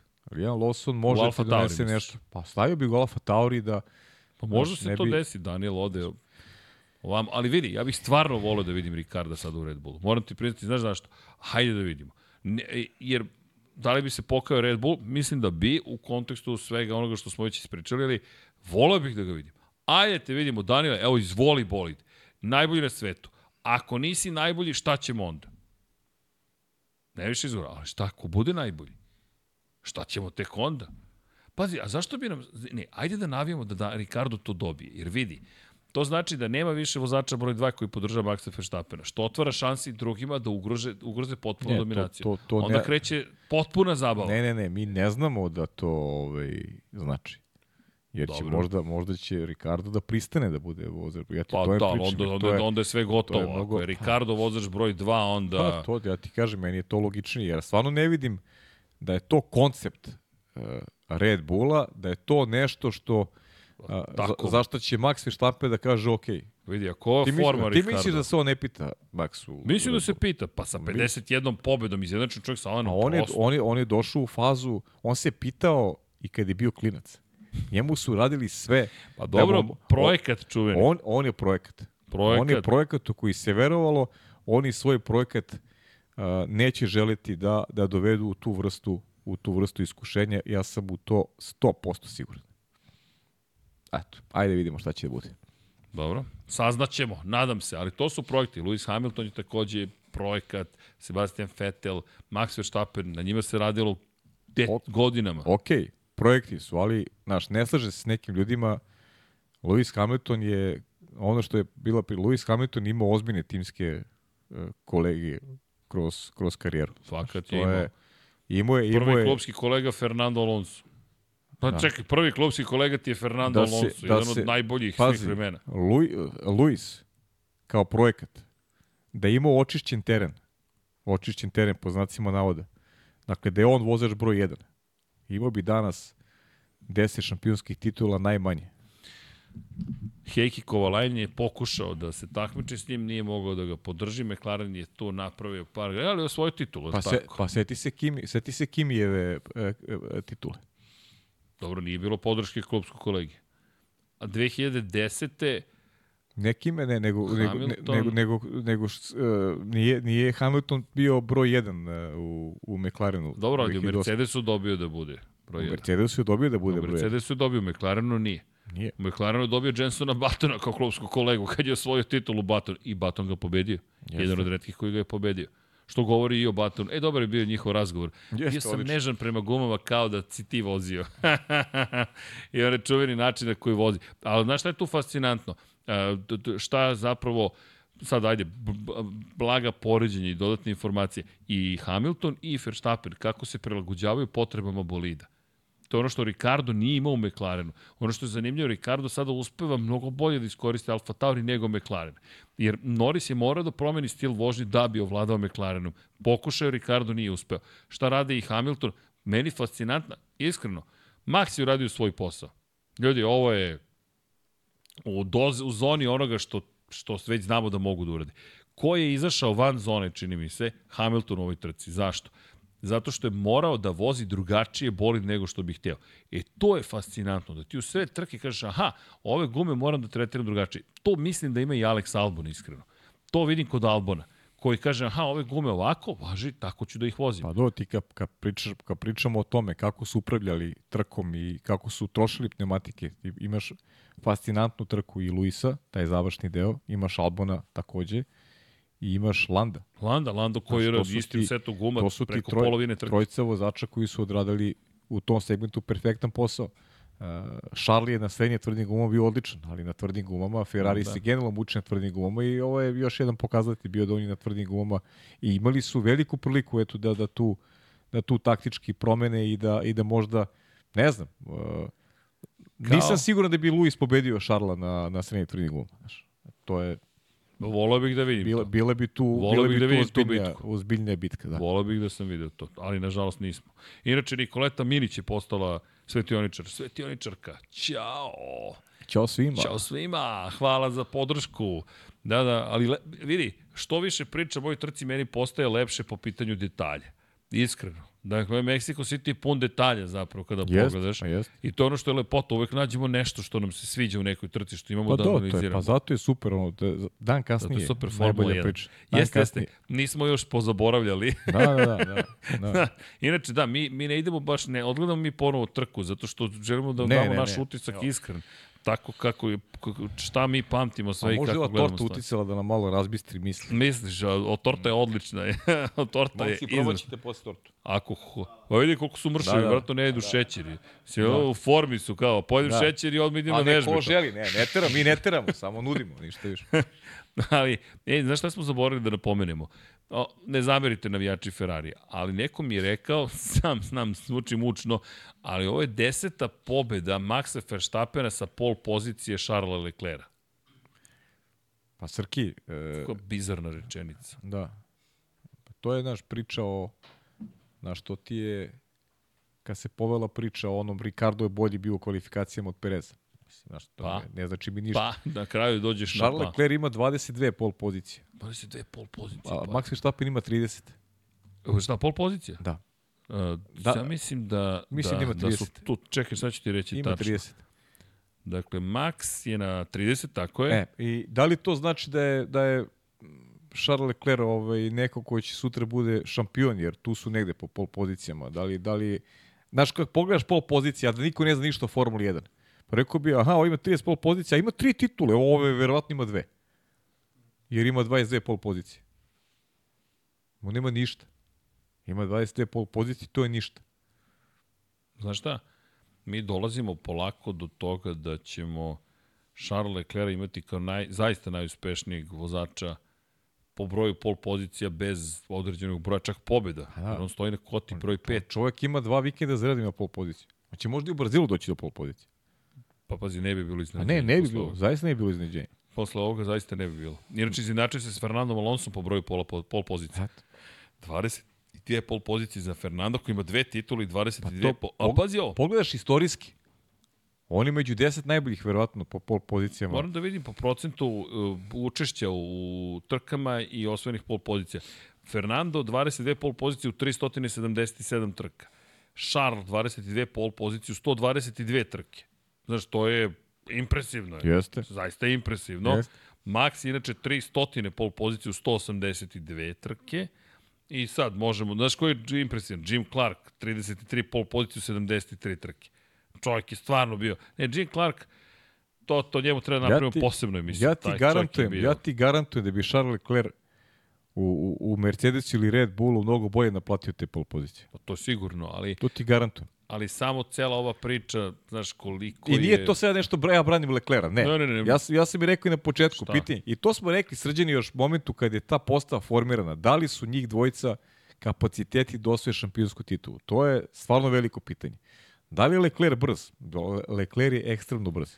Ma vratit da li se, se koristi njegov potencijal? Ne koristi se njegov potencijal. Da li ekipa upravlja dobro njime? Ne, pro, ne upravlja ekipa dobro Leclerom i to je to su te neke neke onako sekvence nerviraju nas, sve zajedno nas to nervira, jer, jer želimo da ima, da je, da je konkurencija bolja, da, da, da, je, da je Ferrari stabilnija, to prosto, prosto nije slučaj i Leclerc je žrtva tih ovih brojki koji su sumanete su zaista. Ti imaš trostrukog šampiona sveta koji ima 51 pobedu i samo 8 pol pozicije više od, od nekog komu je bio rival još u tim danima kada su zajedno vozili kartinga, a, a nebo i zemlja su realno.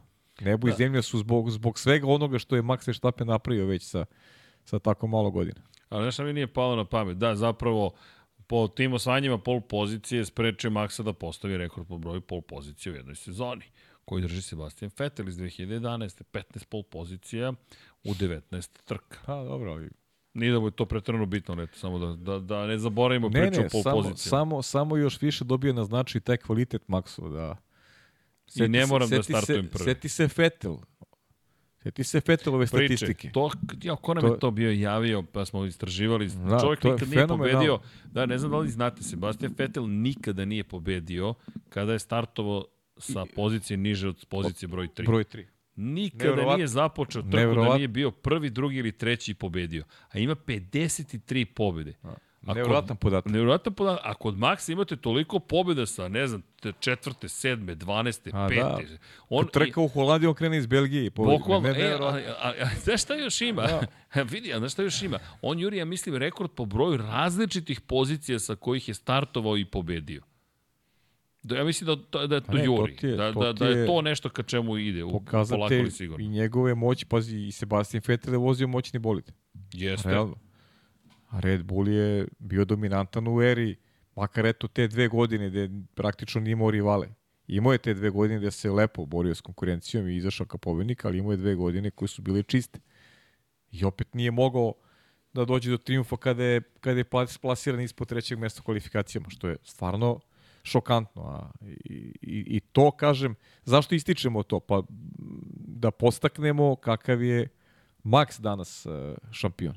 Lewis Hamilton takođe znao da pobeđuje sa, sa tih nižih pozicija ovaj, uh, u kvalifikacijama. I realno su, to je priča, priča je generalno dva, dva velika šampiona. Mi danas živimo sa, sa dva velika šampiona i to je ozbiljan benefit. Dobro. I pokušamo da nađemo neki Tri, momke samo ovaj će... treći još da Pa dobije. dobro, da, treći, bolid. treći nema boli, da, ta upravo si, da. Treći neko ga zaboravljam zato što zato što trenutno vozi ovaj, ovaj šporet.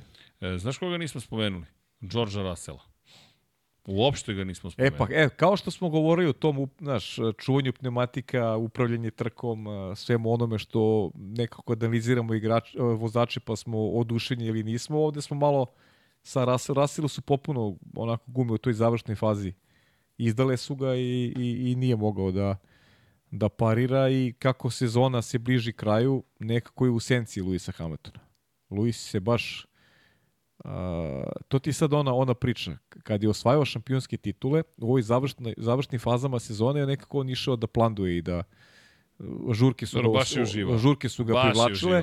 A mislim da, da on, ono što ja osjećam negde i kako doživljavam Luisa, da on živi za još jednu godinu kada će pokušati da vrati Maxu Verstappenu za 2021. godinu. I, I negde rekao bih da je ovo priprema njegova za, za ono što ga čeka naredne godine, uz veru da, da Mercedes možda mu isporuči kvalitetan bolid. I pogledaj prošla trka u Ostinu, sad ne pričam o kvalifikaciji, ova trka. Zaista su bile sjajne. To su, to su dva druga mesta, jedno ok, izgubljeno usled tih tehničkih nepravilnosti, ali forma koja je onako u usponu i, i, i Luis podsjeća na, na ta šampionska izdanja. I, I zaista ga je Milina videti tako ovaj, e, raspoloženog i, i ordog za nadmetanje i vratio se na početak podcasta. Jako mi izdopada taj Mercedesov pristup. Oni žele da nauče kako da pobede Red Bull. I to im je cilj. I veliko, velika podrška za, za, za takav stav uh, i, i nadam se da, da, da će to negde ovaj, uspeti da se slože kockice, da, da svi zajedno dobijemo još jednu sezonu koja makar podsjeća na 2021.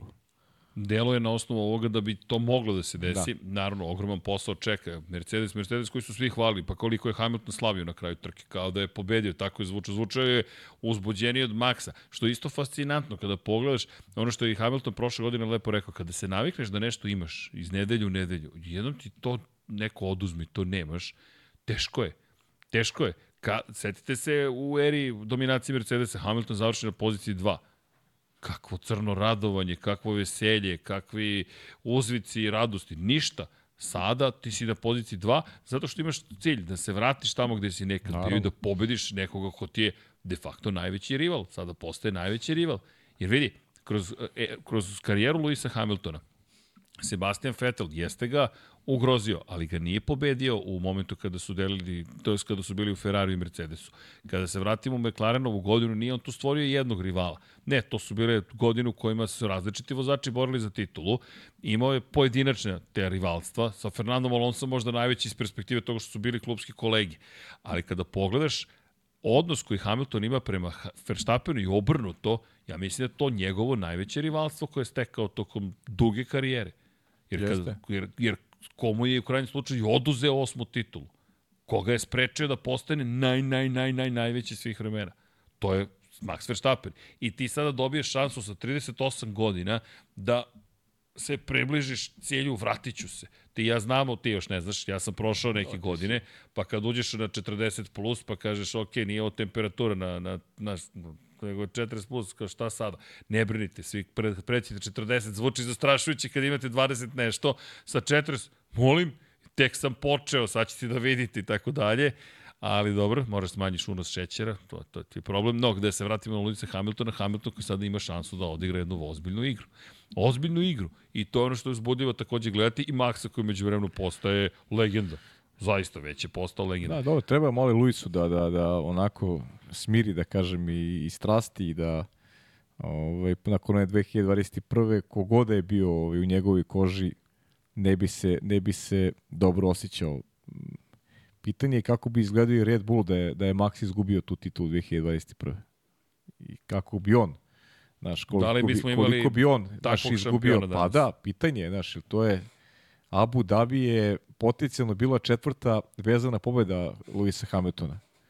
Uh, mi svi smo nekako videli već ma Maxovu titulu u džepu. I dolazi taj Abu Dhabi, gde opet Luis ovaj, ima praktično Bolje i titulu, startuju. imaju i titulu i pobedu ovaj, Maltine na tacni i dešava se onda Latifi i sve ono što smo već prošli.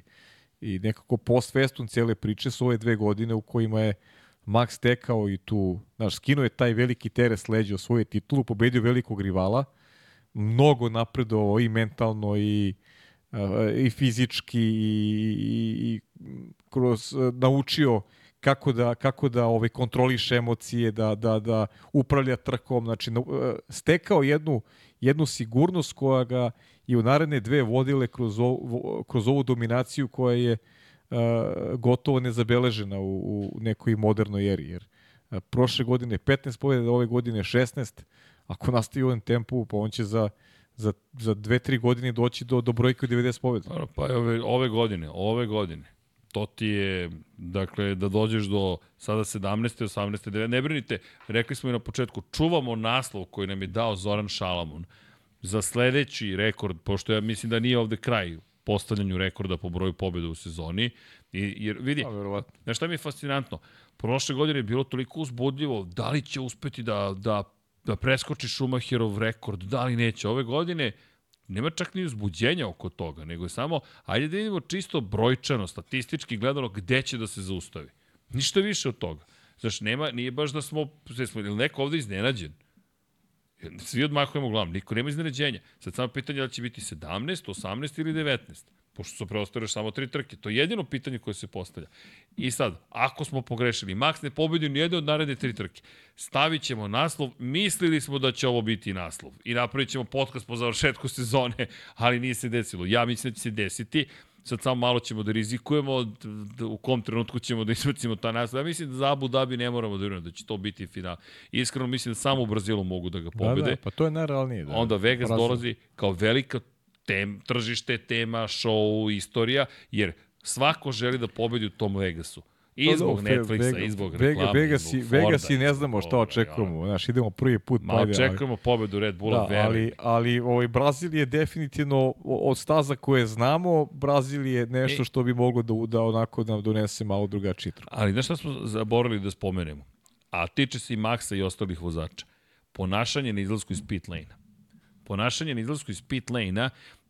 Zanimljiva je tema iz perspektive nečega što je Max prokomentarisao. Zašto je počeo, to su njegove reči, da zaustavlja zapravo kolonu na izlasku iz pit lane-a od kada je, me, pazi sad kak, šta ti dinamika, život šta je. Međunarodna automobilska federacija uvela nedavno, to u Monci prvi put, da vi imate minimalno, to je maksimalno delta vreme koje morate da ispoštujete ukoliko želite da ne dobijete kaznu. Šta to znači?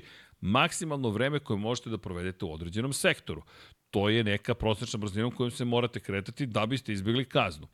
I Max kaže, sada, kada više nemamo mogućnost da stvorimo razliku između onih koji vas prate i onih koji su ispred vas, mi nemamo drugu opciju da bismo izbjegli kaznu osim da blokiramo sve na izlasku iz pit lane-a i onda da izađemo dovoljno daleko od nekoga koji je izašao ispred nas. Jer ja sada, ako pratim njega ispred, a on vozi sporo, ja moram da pratim njegov tempo, što automatski znači da ja ne mogu da se odmaknem dovoljno od njega jer ću biti kažnjen, jer ne poštujem delta vreme. A delta je zapravo razlika između, vreme, vreme razlike između jednog i drugog sektora što je dosta logično objašnjenje. Do sada nismo videli u ranih godina odnosno nekog razloga se on blokira ostalo jer ga ugrožavaju i dođeš do situacije da FIA nije očekivala reakciju vozača, koji kao i, ost, kao i timovi su ekstremno brzi, inteligentni sposobni da nađu rupu u zakonu. Kao što je The Race imao fantastičan komentar na kazne od 5 sekundi. Kazne od 5 sekundi više ničemu ne služe. George Russell je čovek koji je sada postao poznat kao neko ko planski dobija kaznu od 5 sekundi, ali ne dok nađe poziciju. I onda pobegne više od 5 sekundi i on je profitirao, jer je kazna obesmišljena.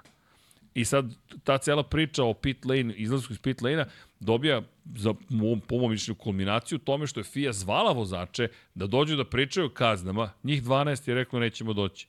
Došlo 8 vozača. Opšti haos po tom pitanju koji ne vidim da će se rešiti u skorije vreme. Ali čisto da ne zaboravimo temu, kada sledeći put vidite Maxa, Rasela, nekog drugog, kako zaustavljaju ceo karavan, oni su našli to kao rešenje za delta vreme. Nije mi uopšte palo na pamet. Isto ni meni. Nije mi palo na pamet. Jedno slušam čito Maxa. Sam, da, da, čito sam, da. Ok, ima smisla. Stvarno ima, ima smisla. I čovjek objašnjava zašto zapravo čine ono što čine i rekao je svako bi morao da bude kažnjen u toj situaciji jer svi to radimo. Prosto pokušamo da nađemo dovoljno prostora u celoj priči. Da, inače Leclerc nije bio kažnjen za... Ostalo je to treće mesto za, za kako se to naziva, nebezbednost, obzirom da ona granitna ploča da je, da je visila, da je otpala u jednom momentu da, na stazi. Da, granitna da- ploča koja, ne, meni je tu najveći has, zapravo, gubitnik, koga su kaznili više puta zbog iskrivljene granične ploče. Leclerc je visila, inače da, pohvali što je vozio bez te granične ploče, Jest. što je zapravo odvezao čovjek sa oštećenim bolidom. To nije mala stvar. Zaista nije, nije mala stvar. Inače, Max Verstappen, Fernando Alonso, George Russell, svi su bili zapravo pod istragom, pa čak i Lewis Hamilton. Na kraju niko nije kažen u celoj priči, ali prosto pratite kada se takve stvari dešavaju čisto da da, da znate šta se zapravo tu događa, makar ono što smo mi dobili od informacije od vozača. Pa jo, nama još ostade par trka, tri trke do kraja sezone. Pa da, bližimo se kraju, ali dobro, idemo u Brazil. Sledeći godin, sledeći godine će brzo Srki. E da ne vozimo Brazil, pošto još uvek nije Pa stigao... da, dole su na sajmu, da. Sledeće nedelje, ajde. Ne, ne, nisu, sad su na ranču. Na ranču, da. Na Sad ranču. su na Infinity Lighthouse ranču. Ja mislim da je to super naziv. Zašto? Kenny Roberts je uveo ranč 1970 i neke 80. kao mesto gde Šta trenira. je Pera donao samo knjigu, znači? Pe, donos samo knjigu. Još sam mu rekao, donesi paket knjiga, ali pošto je mislio da je bez veze da unese u studio paket knjiga, ja mu rekao, donesi paket, pa mi onda otvorimo On, on, je paket, donao, pa on je donao jedno. jedno jer je dobar čovjek i zato što on vodi računa da ne bude nešto ružno na stolu, a ja sam zapravo hteo da, da svi vide da stigla nije jedna knjiga, nego da su stigle knjige, ali sve je okej, Pera je jedna duša od čoveka i divan čovjek, međutim, da se vratimo na ranč, Kenny Roberts je izmislio ranč na kom je trenirao, onda je Valentino Rossi napravio ranč u Italiji i onda kada smo došli u Gastro Shore prvi put, mislim da je Deki rekao, ovo ko ranč čoveče. Tako da, Infinity Lighthouse Ranch, od sad ga ranch, tako zovemo, ranch. dođite. A zašto Infinity Lighthouse, a ne samo Lab 76? Zato što imate i Ranch 99 yardi za NFL, jedan na jedan za NBA, to je za košarku. Pravimo nešto i za košarku specijalno, vidjet ćete. Nadam se da će uspeti, ali naravno da sam brbljiv i naravno ranč za lansiranje kosmičkih raketa. Bazen ne možemo da otvorimo bazen. Ba, e, Bazena vidi, nema u Beogradu svakako. vidi, vidi. Da. Ali, ali zamisli za pod kapicom da Ma napravimo možemo, ne, bazen. možemo neki, neku kadu, neku nešto. Kadicu. Ne, ne, ne, ali zamisli da napravimo u bašti bazen. Dođi da gledaš Formulu 1 iz bazena. Daj da završimo ovu analizu. Podvodna Daj tribina. daj Čekaj, daj imam, ovu imam analizu, istoriju. daj mi Monster analizu devojke, da, molim te. fotografisao sam se sa Monster devojkama zato što sam profesionalac. One su bile u bazenu i ja sam dobio dozvolu Monstera da s mikrofonom Srđan je uđem. bio, oni su došli kod njega, nije on išao. Da, ja sam samo radio svoj posao. I Tako je. to je, to je, Bravo, bravo. hvala ti, težak je ponekada. Naježio sam se, ne, ne možeš da vidiš, ali baš... Ali, pa jo, sad mi je stvarno pao pa pod kapicom radiš iz bazena. Niste čuli ovo, ljudi. I, ili ne. A će biti zamisli- monster devojke ili... Ne, biće monster, doći ću ti ja u posetu.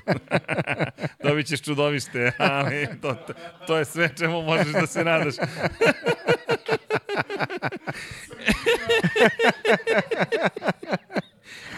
Ja, ja izlazim iz tog bazena.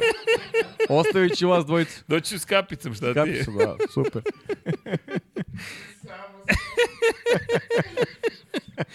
E, no, vidiš da su ti mediji. Sjajne, sjajne. Laka zabava. Drago mi je zbog vas dvojice. E, dobro, produkcija je donela odluku, pa joj ništa ti ne brini, sve ćemo. Sad će Andreja to da isprojektuje i da isprogramira. Dobro. Da, jesmo zaboravili nešto? Samo da vam kažemo da Brazil stiže. E, da, pravit ćemo brazilsku žurku. Sad više ne znam ko učestvuje. Ja mislim da svi učestvuju sad u ovoj brazilskoj žurci. Pa, Vlado, je li tako? Dakle, ali bit će žurka. Samba, rumba, ča, ča, ča, nemam pojma. Meksička žurka je bila super, bar nam tako kažu. Jedini koji nisu na žurkama smo nas dvojica samo putem glasa. Da. Biće žurka i posle trke. Aha, vi after neki pravite. Ali to je vlado nedelja. Role ljudi da ostanu. A rano se završava. Kad se završava? Oko 9. U šesti trka, u 8 se završi i onda žurka. Pinjata se razbijala sada. Ko nije bio na ranču, dođite na Infinity Lighthouse Ranch i dođite Da. Na, da, da vidite gde će biti bazen Pine. Pine bazen. Olimpijski. Olimpijski. Dobro, inače, da, e da, da napomenem jednu stvar. Borislav koji mi je poslao zanimljivu informaciju. Da li znate koliko puta su već bili na pozicijama 1 ili 2 Max Verstappen i Lewis Hamilton zajedno? Otprilike. 37 puta. 37 puta. Ljudi, to postaje ozbiljna veza. Dakle, 37 puta 1, 2, 1, 2, 1 ili 2, 1, 2, 1. Zavisi iz koje perspektive. Ne bi nikada rekao, rekao bi 25 recimo. 37. Zaista. Bukvalo 37, nevjerovatno, i mislim da to nije kraj, da je tek žurka njihova počela. Što me iskreno, mogu vam reći, i raduje. Dakle, da zaključimo, Max, Max, Max, Max, Max, Max, Max, Max, Max, Max, Max, Max, još malo Max. Baš je bio maksimalan. Nismo imali mnogo toga što možemo da kažemo Maxu, osim onoga što već vidite, kao u šunjalicama nekim da vozi. Čovek zaista u bilo kojim okolnostima, fantastičan tempo, čuva gume, vode računa i bili su I vidiš, prednost koju su imali već u tom momentu je bila dovoljno velika pod virtualnim vozilom bezbednosti da ode da zameni gume. Čak ni to nije bio ugrožen. Ja sam pomislio da je prošao liniju cilja i da dok stigne do pit lane-a da će ga ostali sustići to, to, i da će mu to, tu biti to problem. To me zanimala me razlika u tom momentu koja je bila. Znaš. 16 sekundi. Da. Znam jer sam pratio baš pomno da li će doći do dovoljno velike prednosti da, da zameni gume. 16 sekundi, želost na provjerim, vidiš nisam, ali ovo je ok, verujem da si, da si ti proverio. Toko mi bakar da, pamćenje služi. 16 sekundi. Ali Leclerc bi trebalo u tom momentu da počne da smanjuje. Pa to je to. Da, pa ne, on je počeo. On, pa to što sam rekao smo s početka. To pratili smo. Drugi i treći sektor su bili Šarlovi na, na taj, taj prvi krug. I malo bi smanjivao sigurno sad. Šta je bilo do kraja, veliko je pitanje, nikad nećemo saznati. Prepostavljam da bi Max pobedio, jer mnogo bolje ovaj Red Bull na tvrdim gumama od Ferrarija, ali bi nam bilo vrlo zanimljivo do kraja, jer bilo je potencijala da dobijemo neizvesnu završnicu. Nije se dogodilo, ali opet ne umanjuje to znači svih tih rekorda novih, ovaj sad već preko 800 krugova Max Verstappen ove sezone ima ovaj, vožnje na liderskoj poziciji, što je zaista fascinantno, moglo bi čak, ne, ne bi moglo baš da dođe do brojke od 1000, ali je i to pokazati koliko je impozantan u, u ovoj sezoni Max. Da, i Izinači sa Alonom prostom. Pazi, to, je, to su velikani. To su zaista velikani Formula 1. Da. A izgleda tako lako. Baš lako. Baš izgleda lako. Tako da, očekujte druga, još druga, naslova. Druga polovina trke je čak bilo i, pre, i previše lako. Pa, vidi, Max takav kakav jeste, onda gledaš ka Ferrari ima, Mercedesima i to je to. Da, ironije za Ferrari, to isto vredi spomenuti. Čak i Christian Horner rekao da se plaši da će Ferrari staviti Leclerc na srednje tvrde gume. Znaš, šef druge ekipe se plaši da ćeš povući pravi potis. Ne mora da brine previše. Ne, ne mora da se plaši, nažalost, previše, ali pazi, neverovatno, svi smo ponavljali isto. Te, Horner je svestan da treba to da uradiš. Da, ne bih dobio više po Ferrarijevim navijačima. Imamo... E da, to sam, to, to sam zaboravio, da. nisam završio misiju. Zašto su Ferrarijevi navijači apsolutno genijalni? Zato što sve ovo, pa onda im dođe najveći rival u njihov tim, pa ga zavole, pa onda im ode, pa pate za njim, pa onda neki novi dođe, pa njega ne, ne, ne, ne vole, pa onda dođe kod njih, pa ga zavole. Pa ne, ali... I nije kako da uzmu toj titulu, onda će na kraju doći ta titul. Bila jedna devojčica koja već 10 godina navija, sad više nije devojčica, ali devojka, navija za Ferrari, kaže kad, kada ćemo da slavimo? A tata joj kaže, dođe taj trenutak. Da znaš, doći će taj trenutak. A to je cikl, dođe, život, uživaš. život je ciklus. Tako to je. je mislim, usponi padovi Ferrari možda malo više ima. U prethodnim decenijama čekali su dugo na Mihala Šumahira od, od Jodija Šektara sad. Posle Mihala se ukazao Kimi Rekonen i od Kimija je, je mrak. Ali upalit će neko svetlo sad. Ko će to da bude, vidjet ćemo, pitanje je samo, pitanje je samo trenutka. Odmahuje se ovde glavom, vidi, ne djeluju da veruju pa, u ovo što pa, pričamo. Pa okej, okay, znaš, mislim. Jeste sva trojice Ferarijevci? Ne, ne, ne, ne. Mercedes. Mercedes a? a gospodin? Mercedes, Merce, svi su Mercedes. Opa, dva Mercedesa, jedan Ferrari. Ovi, ne, da ekipa deluje zadovoljnije. Pa ne, ja, znaš, znaš kako, mislim, to je... To, i, i, I Šumi je čekao dugo Jeste. za titul, ali, ali, je, ali bio, bio je projekat. I sad pričali smo o tome. Bio je projekat. Ovde ne vidimo da postoji neki projekat, to je ono što je problem Ferrari. jer smo smatrali nakon odlaska Fetela da je, da je Leclerc pro, projekat. Nije. Ferrari nema odnos prema Leclercu kao da je projekat. Nisu se ujedinili oko svog vozača. Oni čak nisu bili ujedinjeni ni oko, ni oko Sebastijana Fetela. I tu je bilo problema na, na kasnije nekim relacijama, ne Fetelovi sa Rekonenom, već prosto suštinske ovaj, uh, odluke o tome kako da, kako da upravljaju trkom. Ko je posljednji koji imao podršku unutar ekipe, to je bio Fernando Alonso. Alonso imao podršku. Alonso je onda Belgije i onaj, onaj incident sa Gržanom je negde odredio Dobro, to su baš pehovi. Da, to je, I to je to baš bio veliki Suzuka. peh. Da. Kimi Suzuka. Da. Taj incident takođe zaboravlja se, ali Jest. Kimi Suzuka. Ali, ali, znaš, baš taj je taj onako bio incident koji se pamti baš i ovaj, neka, neka situacija u kojoj je Nando bio u dobroj formi i delovalo je da, da ima titulu u džepu, ali, ali on ima podršku, znaš, kod njega se odr, osjećala se podrška ekipe. Dobro. Ti kod Fetela to nije, nije bio, nije bio A, slučaj. Ali znaš kako, mislim da i tu podršku moraš da nekako, to ono što Deki često govori, ta podrška neće doći, ti moraš da je nekako otmeš iz, da, da ne samo stekneš, nego kažeš daj podršku. Da, da moraš da nateraš da te podrži i da veruju u tebe. Nekako kao da je okruženje grublje, ako mogu tako da se izrazim. Ili traži takav pristup da, da se zna, morate da mi date podršku. Nema, nema, nema diskusije. Što je malo teže u savremenoj Formuli 1. Pa ne znaš, ne znaš šta bi ti rekao. Tako mi deluje, mislim, da, ne znam. Samo mi tako deluje. Da je to onako obostrano, je, znaš. Nije to samo jedna strana da ovaj, da treba da se nametne. Dve strane treba pokažu dobru volju za ljubav, znaš. Ako jedna strana voli, to nije dovoljno. Dobro, ali... Moraju da vole obe, a, znaš, Možda je ono tough love kod Ferrarija. Znaš, Kaži ti, moraš da istekneš. Ne, ne, ne znam šta je. Ne znam šta je, ali nije dobro. Znaš, to, to nije dobro. Šta god daje, ne daje rezultat. Da, inače to je, trač. To je suština cele priče. Čuo trač. Da, ne navodno Carlos Sainz neće da ostane u Ferrariju ako, pot, ako ostane Charles Leclerc. Ljudi, ne, ne, nemam pojma da, samo kažem, ču, čuli smo taj trač, ali tu ću da se zaustavim pošto ćemo da odemo u zonu sumraka.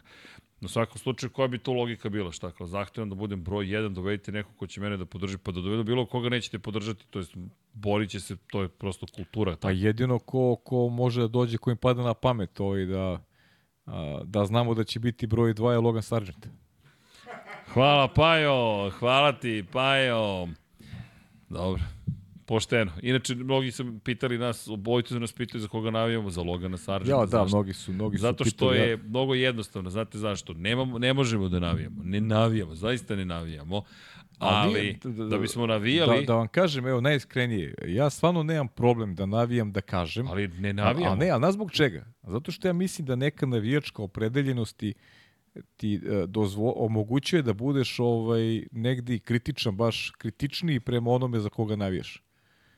Ja navijam za, ja ne krijem, znaš, to stvarno me nervira što ta, po, ta pojava u novinarstvu kao, znaš, kao ja sam profesionalac, kao ja ne navijam ni za koga. Svi znamo da, da ljudi navijaju. Ja navijam za Partizan i meni je to kroz karijeru pomagalo dok se se bavio nekim drugim stvarima da, da budem kritičan i da, i da, i da radim svoj posao u skladu sa, ne sa svojom navijačkom nekom strašću, nego sa, u skladu sa razumom. Jer pritom, ako želiš nekome dobro, bit ćeš i kritičan. Ja tebi želim dobro, pa sam prema tebi kritičan.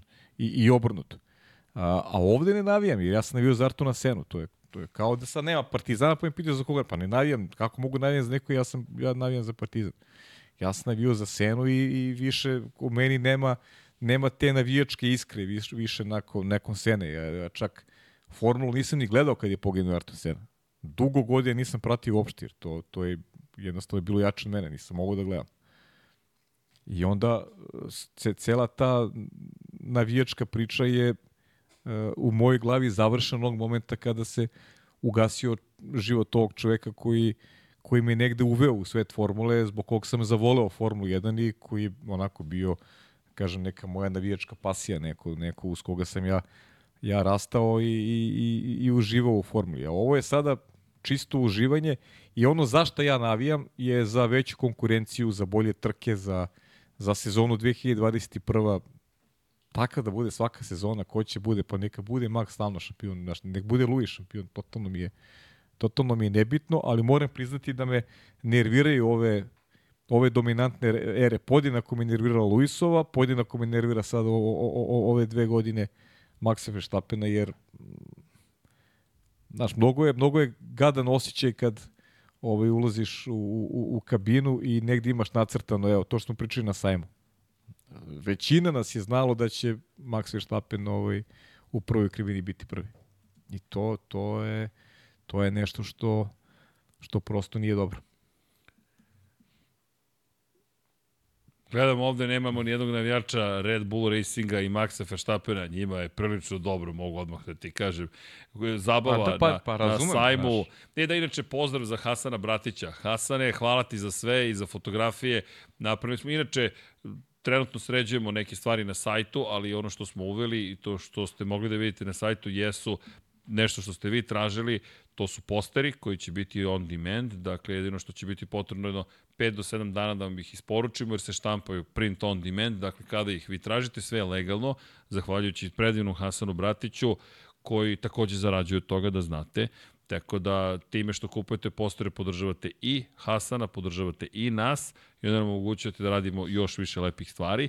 Tako da hvala na tome. Nikola je dizajnirao uh, poster, dakle kolaž je u pitanju gde su tri šampionski tituli Maxa Verstappena i ne samo to, stiže Lewis Hamilton, mnogo pitanja za postere Lewisa Hamiltona, već Bić. su bili Ferrarijevi Bić. posteri, tako da znate i bit će i fotografija koje Hasan bude odobrio, bukvalno ćete moći da naručite uramljene fotografije, kao što smo radili izložbe, dakle moći ćete i to da dobijete, s tom razlikom što će cena biti malo drugačija u kontekstu toga da nisu klasične za izložbu, gde imate samo jedan primerak, već će biti nešto povoljnije s obzirom na činjenicu da je zaista print on demand i radimo upravo na tome dakle, da, da sve to možemo da omogućimo kao što smo i običali kada je Hasan gostovao, ali Hasan je samo da kažemo još jednom hvala. Hasan nam je omogućio da na, na sajmu zapravo fotografije krase zidove koji su bili na štandu.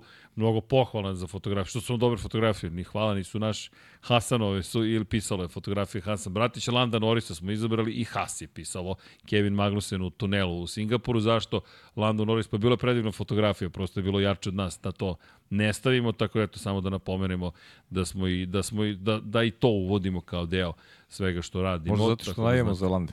Da, ti navijaš za Landa. Da. Ti navijaš za Landa, ja za Logana. Nemoj mene da mešaš u, u tvoj film. Zna se za koga ja navijam, ja sam rekao, ja sam našao načina da te moje strasti navijačke preusmerim ka outsiderima. Pa zato si okačio Landa na... Da, zato sam ne, zato što te volim. E, zato pa je, zato što sam znao da će tebi prijeti da gledaš Landa po ceo dan. U svakom ne, slučaju... ja samo zbog šolje, znaš, ja moram da... ne, ne, vidi, ta šolja ti se smeši, ali zaista je pojenta bila upravo u tome, Šalim, ako imam stvarno. za nekoga da navijam kao za Jetsa u NFL-u, koji nikoga ne ugrožavaju, mada smo dobili Giantse, tako i Logan Sargent, prosto niko, ko će da mi zameri ako najavim za Logana Sargenta, zaista se čovjek ne bori za titulu šampiona sveta i više je simpatično i stvarno mi se dopalo na početku kako je funkcionisao, sad ne mogu da kaž, kažem da mi se toliko dopada kako funkcioniše, ali sve je to okej, okay, to je ljudsko biće, nema razloga da da, da bilo kome želim bilo što loše, tako da eto, apropo tvoje priče o, to, o navijačkim strastima, samo što ih trenutno ne osjećam ni prema kome od onih ljudi za koje vi navijate. Prosto je tako, ovo sam nekako planski preusmerio na Sargenta i nije loše Williams, moj brka je vozio Nigel Mansell za Williams kada je osvojio titulu, pa eto, to su neke uspomene iz daleke prošlosti. Sada već daleke prošlosti. E, ali Pajo, ko će da osvoji titule u NASCAR-u? Ja navijam za Ryan Blaney. E, jel da navijaš za Ryan? Baš sam te da te pitam da li pa da. si Blaney. Pobedio pa, je sad u ja. Martinsville-u. Znaš zašto sam Blaney? Znaš da navijam za Logana. Da. Je ekipa. Okej. Okay. Znaš, Blaneyjeva priča je lepa. Sećam se tog mentorstva još kad smo, kad smo i ti ja počinjeli da radimo ovi, kako ga je Bret Keslovski neko vodio kroz omogućio mu ulazak u track seriju, pa iz track serije je dobio, pa zbog Blaneyja je, je Penske, Roger Penske otvorio taj treći automobil. U stvari, da li je Blaney bio prvi mm, ili nije? Možda sigurno. čak i nije prvi. Možda čak i nije prvi. Možda je Di Benedetto bio prvi, ali, ali, ali Blaney je planski bio... Ne, ne, ne, jeste zbog Blaney-a. Blaney prvi, onda, je, onda su Keslovsko počeli da menjaju drugi. Da, da, zbog Blaney je uveden treći automobil. Zbog Blaney je uveden treći automobil i evo, do, došao je do borbi za šampionsku titulu, strašna pobeda u Martinsvilu ovaj, na, toj, na tom kratkom ovalu i I interesantno društvo u, u finalu. Imamo da, Christopher, Christopher Bell. Bell. Christopher Bell koji ove godine vozi za, za ekipu, za ekipu uh, Joe Gibsa i imamo dva vozača uh, Kyle Larson i, i, i William, i Willi Byron, tako? Jeste. I Willi Byron koji su ušli u finale, da. Uh, tri, četiri ove, Byron vozača. jedini na poene, ostali kroz pobede u ovom poslednjem Tako delu. je, tako je. I, i tri, tri sjajne ekipe, dakle, uh, Hendrix je tako? Jeste. Hendrix. S tim što najmlađi od njih je William Byron, tek 25 godina. Da, Willi Byron, ali znaš, znaš što je interesantno, što ti imaš, imaš tri vozača koji nisu osvajali šampionsku titulu. Tu je samo Kyle Larson osvajao titulu. Jeste. I to posle cijela Znaš, agonija kroz Imaš. Vilija Byrona, imaš Kristofera Bela, Ryana Blenija i to ti je, znaš, o, kako se menjaju malo, ovaj, Dobro, stigla znaš, nova generacija. stigla nova generacija, Tako je. Kevin Harvick se oprašta, nemamo u finalu ni Truexa, ni, ni, ni, ni iznenađenje Kyle Busch što nije ušao u finale, ali generalno nije bio ni blizu. Biće zabavno Phoenix. Eto, sad imamo Brazil za vikend, a imamo i eto završnu trku, trku odluke u Naskaru. 36. runda, koliko je to dugačak šampionat. 36. runda koji Ne će da odlučiti. traje, nego večno traje. Da. Eto i oni koji ne prate NASCAR, sistem je E. vrlo, vrlo jasan. Ko bude bolji od ove četvorice na stazi, taj je šampion. A obično Svi bodovi se, se brišu. obično im se svi sklanjaju, tako da je to obično bitka za pobedu. Tako je, bitka za pobedu i ko tu po- pobedi, taj će osvojiti titul. I ne, zaista ne propustite, čak i ukoliko vam je naskar ili naporan ili neshvatljiv ili kako god, jedna trka, pogledajte ko će biti šampion, Pa da. poštujte svakog trkača, imamo ekipu koja razume trkanje, ljudi, 320 km na čas zna da bude prosečna brzina. Verujte, upravljati automobilom koji liči na klasičan automobil, aerodinamika mu je svakako kao to praktično klasičnog automobila, uz naravno dodatne aerodinamičke površine koje omogućavaju da ne odletite sa 320 km na čas i jednu ciglu koja ima motor smešten napred, a pogon je na zadnje točkove koja kao da je plug kad skrećete, možete da vozite tom brzinom kontrolisanu u grupi od 43 vozača i da niko ne pravi grešku i imate čuveno da, dakle, guranje, to ko je vozio Twingo, učio nas je Miksa, jel te, približiš se dovoljno, zavetrina učini svoje, ti si brži, ti sad počinješ da guraš onog ispred. Čisto da objasnimo koncept, dakle ja sam ispred, ja probijam vazduh, ja imam otpor vazduha najveći, iza mene neko je ušao u zavetrinu i on može da postigne veću maksimalnu brzinu. On se nasloni na moj branik i počinje mene da gura, jer mi sada imamo kombinovane snage naših automobila kako se probijaju kroz vazduh i mi smo zapravo brži zato što se gurkamo. To u NASCAR-u gledate samo na 320 km na čas. Ljudi, to je impresivna veština, to izgleda Jest. tako lako, oni to rade. Bumping čuveni. Pumping čuveni i onda gledate vozače koji, kao, aha, okej, okay, ovo je ispred mene i sad šta je tu caka? Ovaj ispred zna da ovaj što ga bumpuje i gura ga, može lako da ga pobedi, jer u momentu kada on izleti, da, povećava se otpor vazduha, ali odjednom i vi nemate više onaj dodatni pogon i sad je to igra milimetara, bukvalno metara, ko će pre da prođe kroz cilj i sad držite se najbolje što možete kroz krivinu da smanjite za pritom otpor i da imate što bolji izlaz, morate biti nežni i pobediti, traži veštinu. Traži veštinu, a kada se napravi kolona, tri kolone, na, na primjer na speedwayima, kada odete pa gledate Daytona, Na super speedway ima i četiri, i četiri I, kolone. o- I onda se ovako razvuku i niko ne pravi grešku, a vi ste na milimetar pa, i da imaš, ne govorimo o side nagib, draftingu. Imaš nagib i Tako je. četiri kolone. Pri čemu, ludilo. ako ti neko priđe dovoljno blizu automobila i pre, preusmeri vazduh ka tvom automobilu, zato što zapravo on sad stvara, za, ne zavetrinu, nego on, da, stvara zavetrinu, ali pritom potiskuje vazduh ka tebi, odjedno samo vidiš kako se bo, automobil Pa okreće. ne, ovo, ovo su, znaš, zašto vredi pogledati? Da ispratiti ta četiri junaka koji su koji su prošli ovaj onako pravo čistilište da bi došli prilike se bore za titulu. Stvarno su junaci. To je 36 rundi. Na različitim tipovima staze, kratki oval, dugi oval, roval, klasična staza, Šljaka. šljaka, znači milion ovaj, verzija u kojima se vozi NASCAR i ti na kraju posle 36 vikenda, vikenda ti dolaziš do, do, do, do te šampionske trke gde, gde ništa više ne važi, gde je samo bitno pobediti ovaj, trojcu rivala. Marovska borba do ja. kraja Pa i da, onda, da. ajmo, jedna trka rešava sve. Pritom ono, ono što NASCAR radi, ti ostavlja za kraj onu, onu klasičnu, klasičnu stazu milju i po. Dugačak oval, to je nešto što je onako najklasičniji NASCAR i, na, na, na takom ovalu se e, najviše trka i vozi. Milu, milju i po dugom ovaj, se najviše trka vozi tokom sezone. pritom, Meksiko se završi, vi pređete na NASCAR i, Tako je. i uživate u, u posljednjoj trci. Na sezone. žurci brazilskoj. Da, U, na ranču. na ranču, da. Na ranču dok pijete neke, ne znam. I da u stvari, da, onda dođete, kod, dođete, vratite se kući i onda pustite u snimku ovaj NASCAR u stvari. Zaboravio sam na, na taj moment. Ranč, ranč, bajo, na ranču. Na ranču, na Na ranču, ranču. Tako da vas očekujemo na ranču. Mislim da to Deki smislio dobar naziv. Ja mislim. Šta ti Jeste. kažeš? da. Jeste, ne, ranč, da, da. Odgovaram ovdje na neš neka pitanja, inače, kao što smo i rekli, produžili smo neke stvari. Pa Posetite sajt ovih dana. Mislim da će vam se isplatiti. U svakom slučaju, e, ljudi, vreme je polako je sigurno za spavanje, ja mislim. Ja bih sad pričao još, zato što mi to Pa volimo, dobro, da, ali... dobro, ajde kažemo malo, da prognoziramo možda malo Brazil. Ipak Hoćeš? Brazil čeka, pa hoću, da, ajde. Rekao sam ti, ja sam rekao u momentu, Luis Jao, fantazi.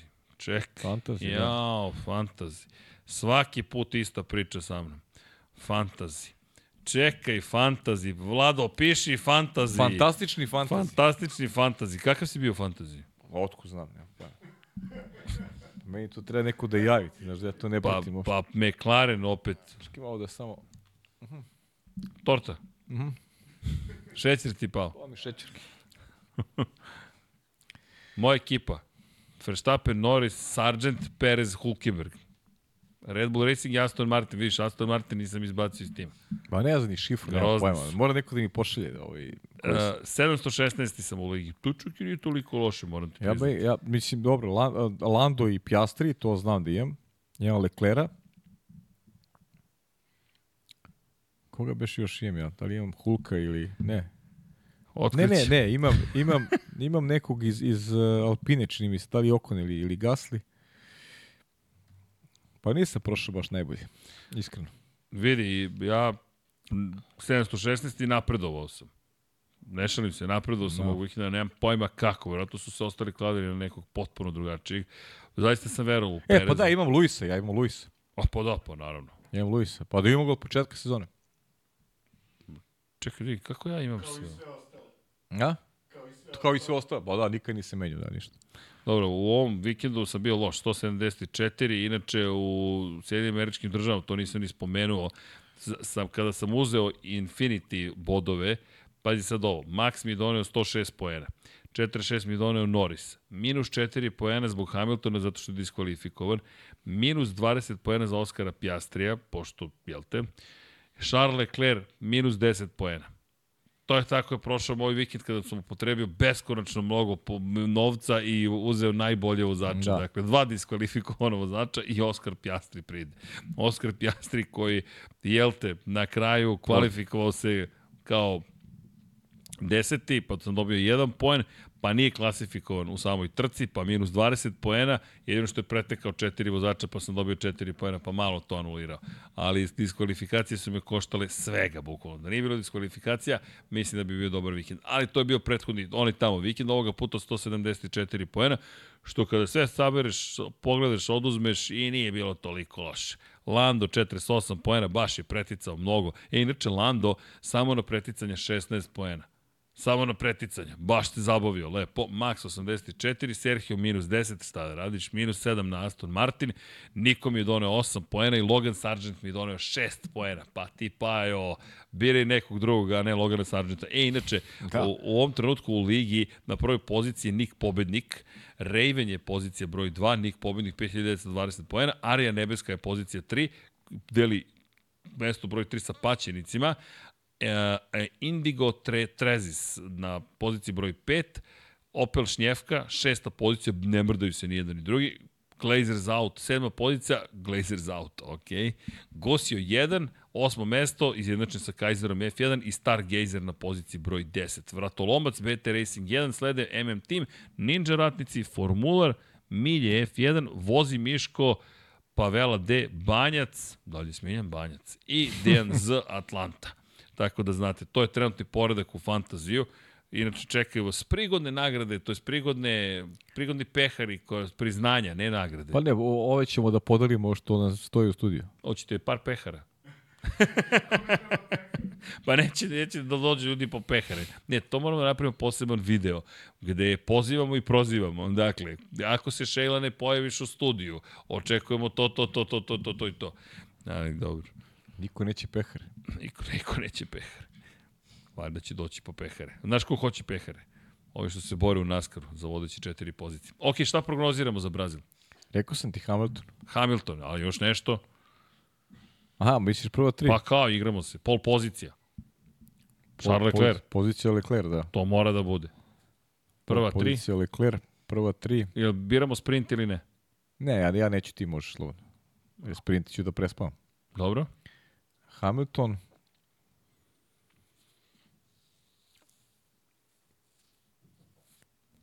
Hamilton, Max Leclerc. Dobro, dobro. Hamilton, složit ću se s tom na Hamiltonu. I ti ćeš da igraš sa Hamiltonom? Pa da, Ajde, ajde, igramo i zajedno. Hamilton, Norris, Verstappen. Okej. Okay. Mada mislim da će, da, da će ipak biti Max na poziciji broj 2, ali Hamilton, Norris, Verstappen. Pa ajde da vidimo. Šta ti kažeš? Može. Jel može? Dobro. Može. Tipovo sam na tvog čoveka. Da ta šolja ipak... A nema šolja. Kakve veze imaš? Šolja ima veze samo sa titulom. Nema, nema veze sa ničim drugim. Dobro, šalimo se malo. Ta šolja postaje sada deo priče. Da. Pa jo, evo, prošla je evo, ponoć, evo. samo da znaš. Znači, bukvalno je prošla ponoć. U stvari nije, 23.58. Da. Uh, mislim da je vreme da se polako odjavljujemo, pošto ćemo se uskoro odjaviti. Publika počela da nam spava polako ovde u studiju. Šalim se, naravno, nije. Do, dobro je publika. Jeste vi žedni ljudi, hoćete da popijete nešto? Dobro. Juče smo Juče smo pili. Sjajno. e, pa onda do sutra nema ništa. pa još, još do sutra, još tri minute. ne, ne, ne, ovo je bio jedan lep vikend kada sve saberem. Znaš šta, sad mi trka lepše nego što sam mislio. Sad kad smo sve ovako probrali i prošli. Ne, ne, super je, super je. Ovaj... Moram ti priznati da mi, da mi se, da, da, da neke stvari koje su se složile, nekako utisak, onako je sada postao jači. Ali dobro, volimo Formula 1, tako da, da uvijek se nađe nešto lepo u cijeloj priči. Ej, ali ljudi, ajmo sad da se vratimo na, i na početak i na kraj. Max radi to što radi, Brazil obećava da će biti uzbudljiv. Ono što bih napomenuo jeste, u Teksasu smo videli da Red Bull nema tako veliko prednost. Da, bilo je problema s kočnicama, ali opet, bilo je drame. Brazil moglo je da bude drame, to je, izvinjam se, Mexico City nije se desilo, ali u Brazilu znamo da postoje veće šanse da drugi budu uspešni, što samim tim obećao da ćemo dobiti ipak trku u kojoj vredi i tekako pričati. Što se tiče sprinta, nemam predstavu ko će pobediti u sprintu, zaista. Ne bi me čudilo Maxu da pripadne sprint, ali ajde, vidjet ćemo. Možda, ne znam, Oskar Pjastri iznenadi ponovo. U svakom slučaju, pojenta jeste da smo da dobijemo sve bolji i bolji i bolji trke. Posle toga pauza 7 dana Zatim Las Vegas, idemo na svetla, jel te, na Las Vegas strip, tamo u pozadini će biti sfera, ko zna šta će da smisli, kako će to izgledati. Ljudi, tamo očekujte baš Hollywood uživo, to je trka u subotu, nemojte zaboraviti. I naravno Abu Dhabijem ćemo zatvoriti sezonu. Ono što će biti fascinantno, kako stvari stoje sada u Moto Grand Prix-u, može se desiti da se titula šampiona sveta u motociklizmu u kraljevskoj klasi rešava u momentu kada se vozi poslednja trka Formula 1. Formula 1 počinje po centralnom evropskom vremenu u 14.00, u 15.00 počinje trka Moto Grand Prix. Baš bez veze, na primjer.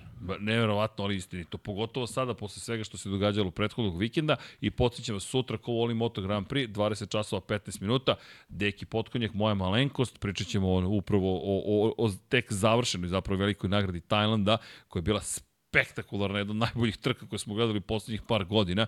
Tri vozača u borbi za pobedu, u predposlednjem krugu potez koji, koji ćemo opisivati, opisivati Banjajin koji na kraju nije doveo do pobeda, ali je bio fascinantan i sve to u novembru koji nam dolazi, kada počnemo pustimo brkove, pozdravljamo naravno još jednom sve koji nas podržavaju, devojke ne zaboravite, roze majice, to su pre svega kao podsjetnik, ne samo vama, nemamo mi šta vam da vam spočitamo, mi možemo samo da vas molimo da proverite sebe, da se prekontrolišete i da ukoliko nešto otkrete, odete kod lekara, nemojte da vam iko kaže da treba bilo čega da se stidite, da ukoliko nešto se otkrije da je to loše, bolje je otkriti na vreme, veće su šanse da se izleči, pored toga nemojte bilo kakva stigma da postoji, ako imate problem javite se nam. Mi ćemo da vam pravimo društvo, pa makar virtualno, ali to je zaista nešto što je sastavni deo savremenog života, kulture, hajmo da se držimo zajedno i da vodimo računa i vozimo računa jedni u drugima. kada je reč, kažem, eto, oktobru, roze majice su zato tu. Ko kupi roze majice, inače rasprodati. Ja mislim da smo se rasprodali na sajmu majice, mnogo majici roze je kupljeno, tako da hvala vam na tome, taj novac će ići bukvalno organizacijama koje se sistematično bore protiv raka dojke, to su bitne stvari, mi stojimo iza toga i sledeće godine ćemo ponovo da nosimo i neka što više kompanije organizuju te stvari, neka budemo i Bill Burr dosadni, to ćemo nastaviti da radimo, a kada je reč o trkanju u novembru, bit će uzbudljivo trkanje u novembru, dakle i u Moto Grand Prix, i u Formula 1, uvek ima o čemu da se priča. Evo, ja sam pomislio da u Meksiku nismo imali mnogo toga što se dešavalo na kraju kad smo provrtili celu priču, Pa evo, jedna trka koju, makar ću ja sada stade, morati... Stade stati, trka u 3 sata. Po stade nekako u 3 sata smo je spakovali. Čak nemamo Formulu 2, Formulu 3 nismo ni vozili, a u 3 sata.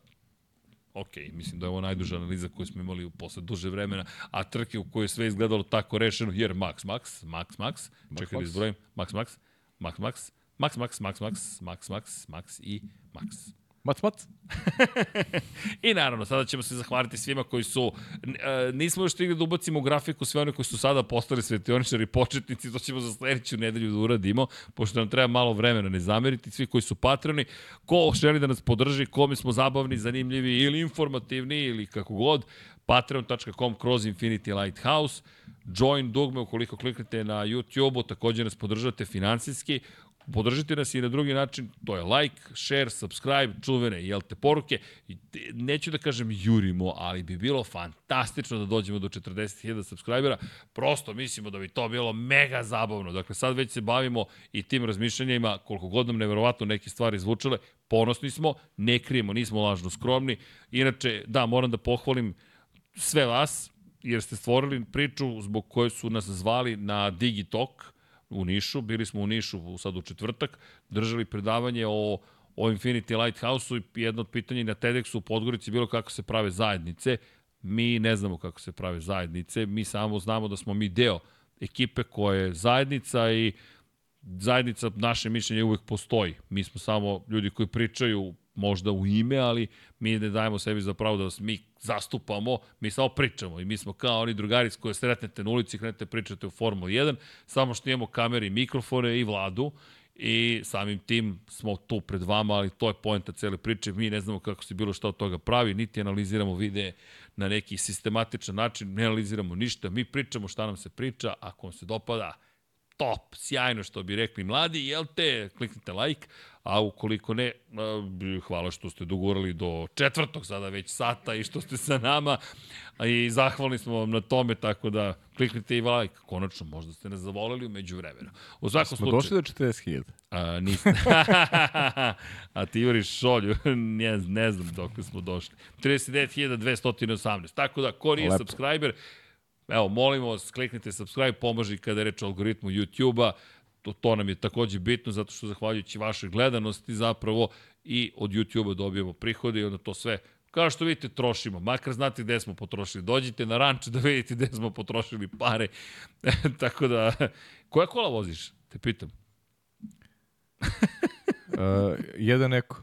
Je Eko jedan, tako da znate, dakle, kad nas vidite u Porscheima i Ferrarima, e onda znajte da je došao kraj. Do tada sve pare idu u ranč i tamo će se trošiti i nadam se da ćemo se lepo zabavljati. Nas dvojice koristimo gradski prevoz. Gradski prevoz, zato što je fantastično. Pa da.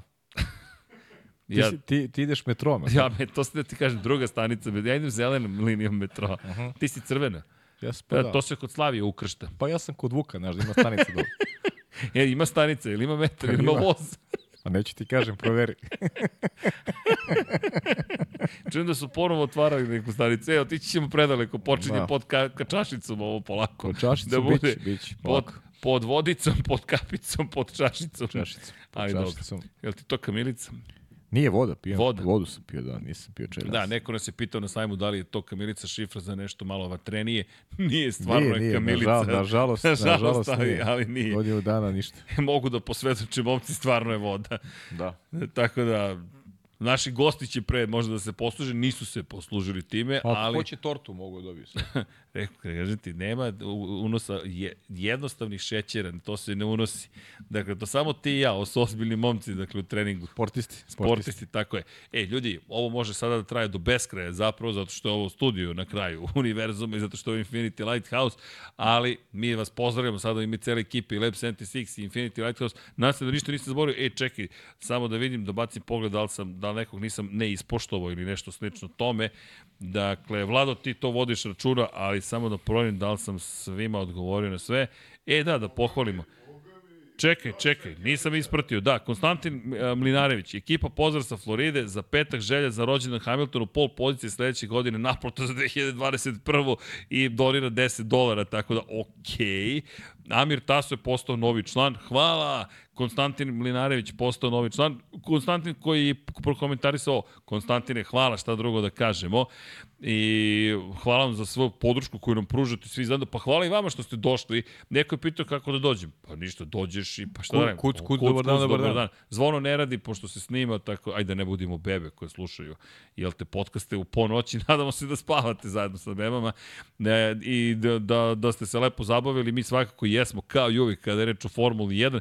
Ljudi, pozdravljamo vas još jednom u ime svih koji su ovde, odnosno da jedemo tortu, to će oni da jedu tortu, ja ću sada da pročitam sva imena i neko je, kažem, pitao live, da ne ponavljam, live je uvek sve što ovde vidite, dakle, upravo je 0008 i datum je 31. oktobar.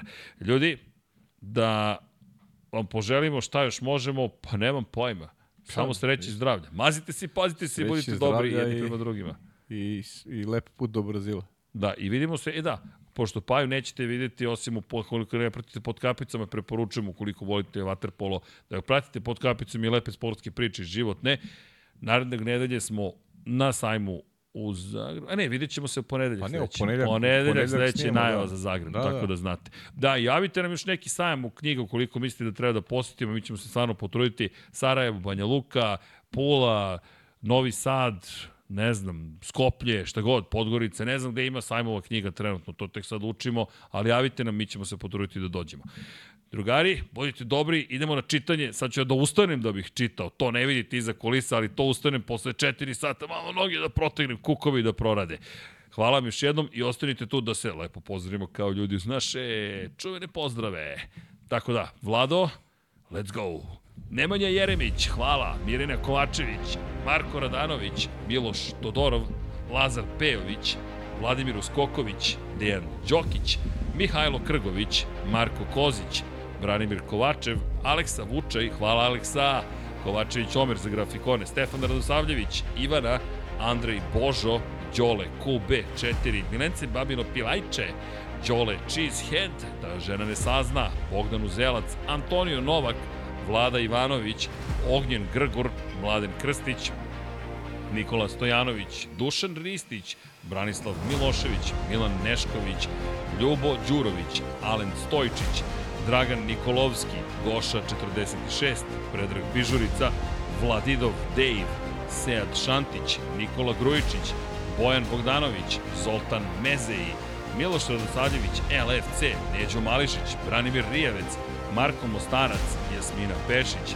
Vučinić Miroslav, Dušan Delić, Anonimus Donatorus, Ružica Stefanović, Strahinja Blagojević, Borko Božunović, Ivan Rečević, Salim Okanović, Živojin Petković, Ivan Toškov, Vuk Korać, Lazar Hristov, Lukas, Miloš Banduka, Dimitrije Mišić, Marin Antunović, Jugoslav Krasnić, Kimi Rajkonen, Andreja Miladinović, Igor Vučković, Nemanja Labović, Stefan Stanković, Nikola Milosavljević, Jasenko Samrđić, Miloš Rašić, Vukašin Vučenović, Marko Marković, Stefan Ličina, Luka Klaso, Jeca and Stefan, Nemanja Zagorac, Aleksandar Mitrović, Šefko Ćehić, Crnogorski džedaj, Milan Apro, Bojan Mijatović, Vladimir Filipović, Deus Nikola, Jovan Đodan, Safet Isljami, Matija Binotto, Veselin Vukićević, Predrag Simić,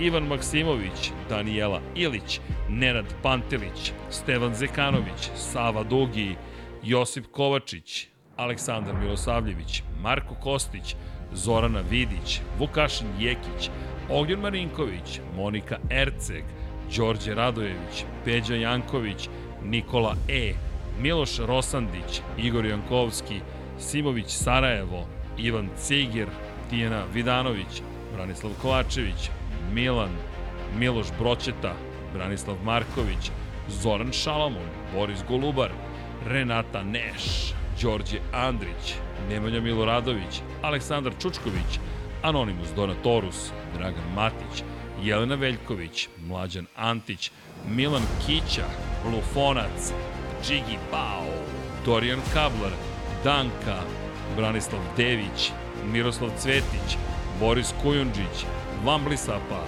Bata Brada, Klara Gašpar, Stefan Lešnjak, Milan Ristić, Armin, Luka Martinović, Darko Trajković, Nedim, Saša Ranisavljević, Tina i Ilija, Hrvoje Lovrić, Jelena Jeremić, Alen Vuletić, Inzulin 13, Vladimir Mutić, Ferenc Laslofi, Matej Sopta, Mihovil Stamičar, Andrija Todorović, Marko Blagojević, Aleksandar, klub štovatelja Ramona Mireza, Stefan Janković, Ivan Simeunović, Mladen Mladenović, Jugoslav Ilić, Zoran Majdov, Nedim Drljević, Optimistik Josh Allen Fan, Ivan Rebac, Benjo KK, Armin Durgut, Miloš Vuletić, Srđan Sivić, Ante Primorac, Aleksandar Anđelić, Stefan Prijović, Marko Ćurčić, Đole Bronkos, Novak Tomić, Nikola Marinković, Andreja Branković, Aleksandar Antonović,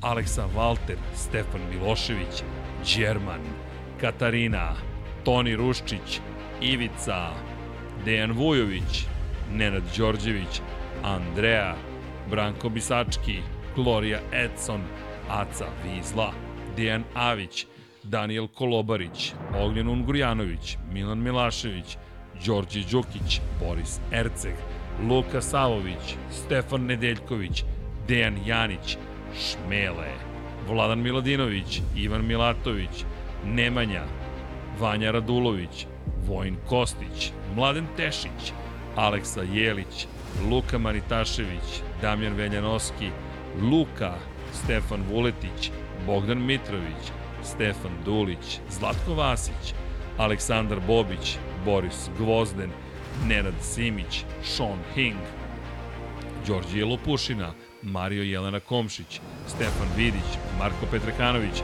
Borislav Vukojević, Anonimus Donatorus, Laslo Boroš, Bojan Majstorović, Đurđica Martinović, Petar Relić, Boris Radović, Životić Jovan, Ljo Đurović, Dušan Petrović, Vladimir Stojadinov, Zoran Cimeša, Pavle Nj, Dejan Avić, Marko Horg, Milan Paunović, Nenad Ivić, Martin Gašpar, Ivan, Matija Rajić, Aleksandar Banovac, Nebojša Živanović, Emir Mešić, Jelena Mak, Vladimir Petković, Kristijan Šestak, Ivan Panajotović, Aleksandar Jurić, Denis Špoljarić, Aleksa Lilić, Petar Nujić, Nikola Božinović, Nedo Lepanović, Žarko Milić, Strahinja Brajanoski, Žorž, Borislav Jovanović, Ertan Prelić, Grgo Živaljić, Marko Bogavac, Marina Mihajlović, Bojan Markov, Bahter Abdurmanov,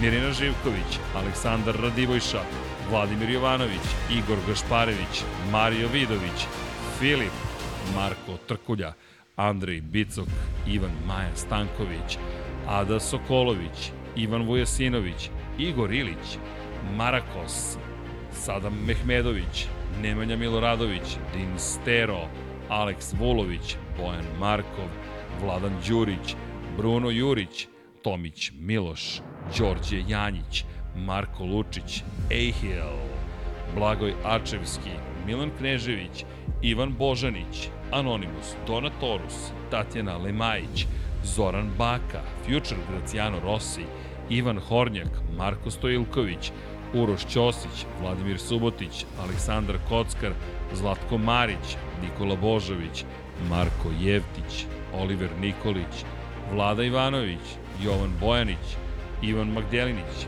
Nikola Grujičić, Resničanin, Petar Bijelić, Toni Soni 76, Branislav Dević, Vukašin Vučenović, Kro Robi 0-0, Milorad Reljić, Nikola Vulović, Mile Supodinov Ristov, Milanka Marunić, Alen Jesenović, Dejan Plackov, Plackov, Vladan Miladinović, Penđer, Žika Su, Ivan Doko, Uroš Čuturilo, Vladimir Bulatović, Branko Rašević, Vojislav Tadić, Nemanja, Drago Veković, Dejan Janić, Mensur Kurtagić, Bojan Getarić, Kornjačin Vrač, Omer Sarajlić, Slaven 84, Saša Stevanović, Aleksandar Nikolić, Nedžad Mrakić, Marina, Bojan Stanković, Luke Williams, Ivan Vincetić, Đera 7, Almedin Ahmetović, Mateja Nenadović, Mrča, Bakadu, Pavle Lukić, Jelena Jeremić,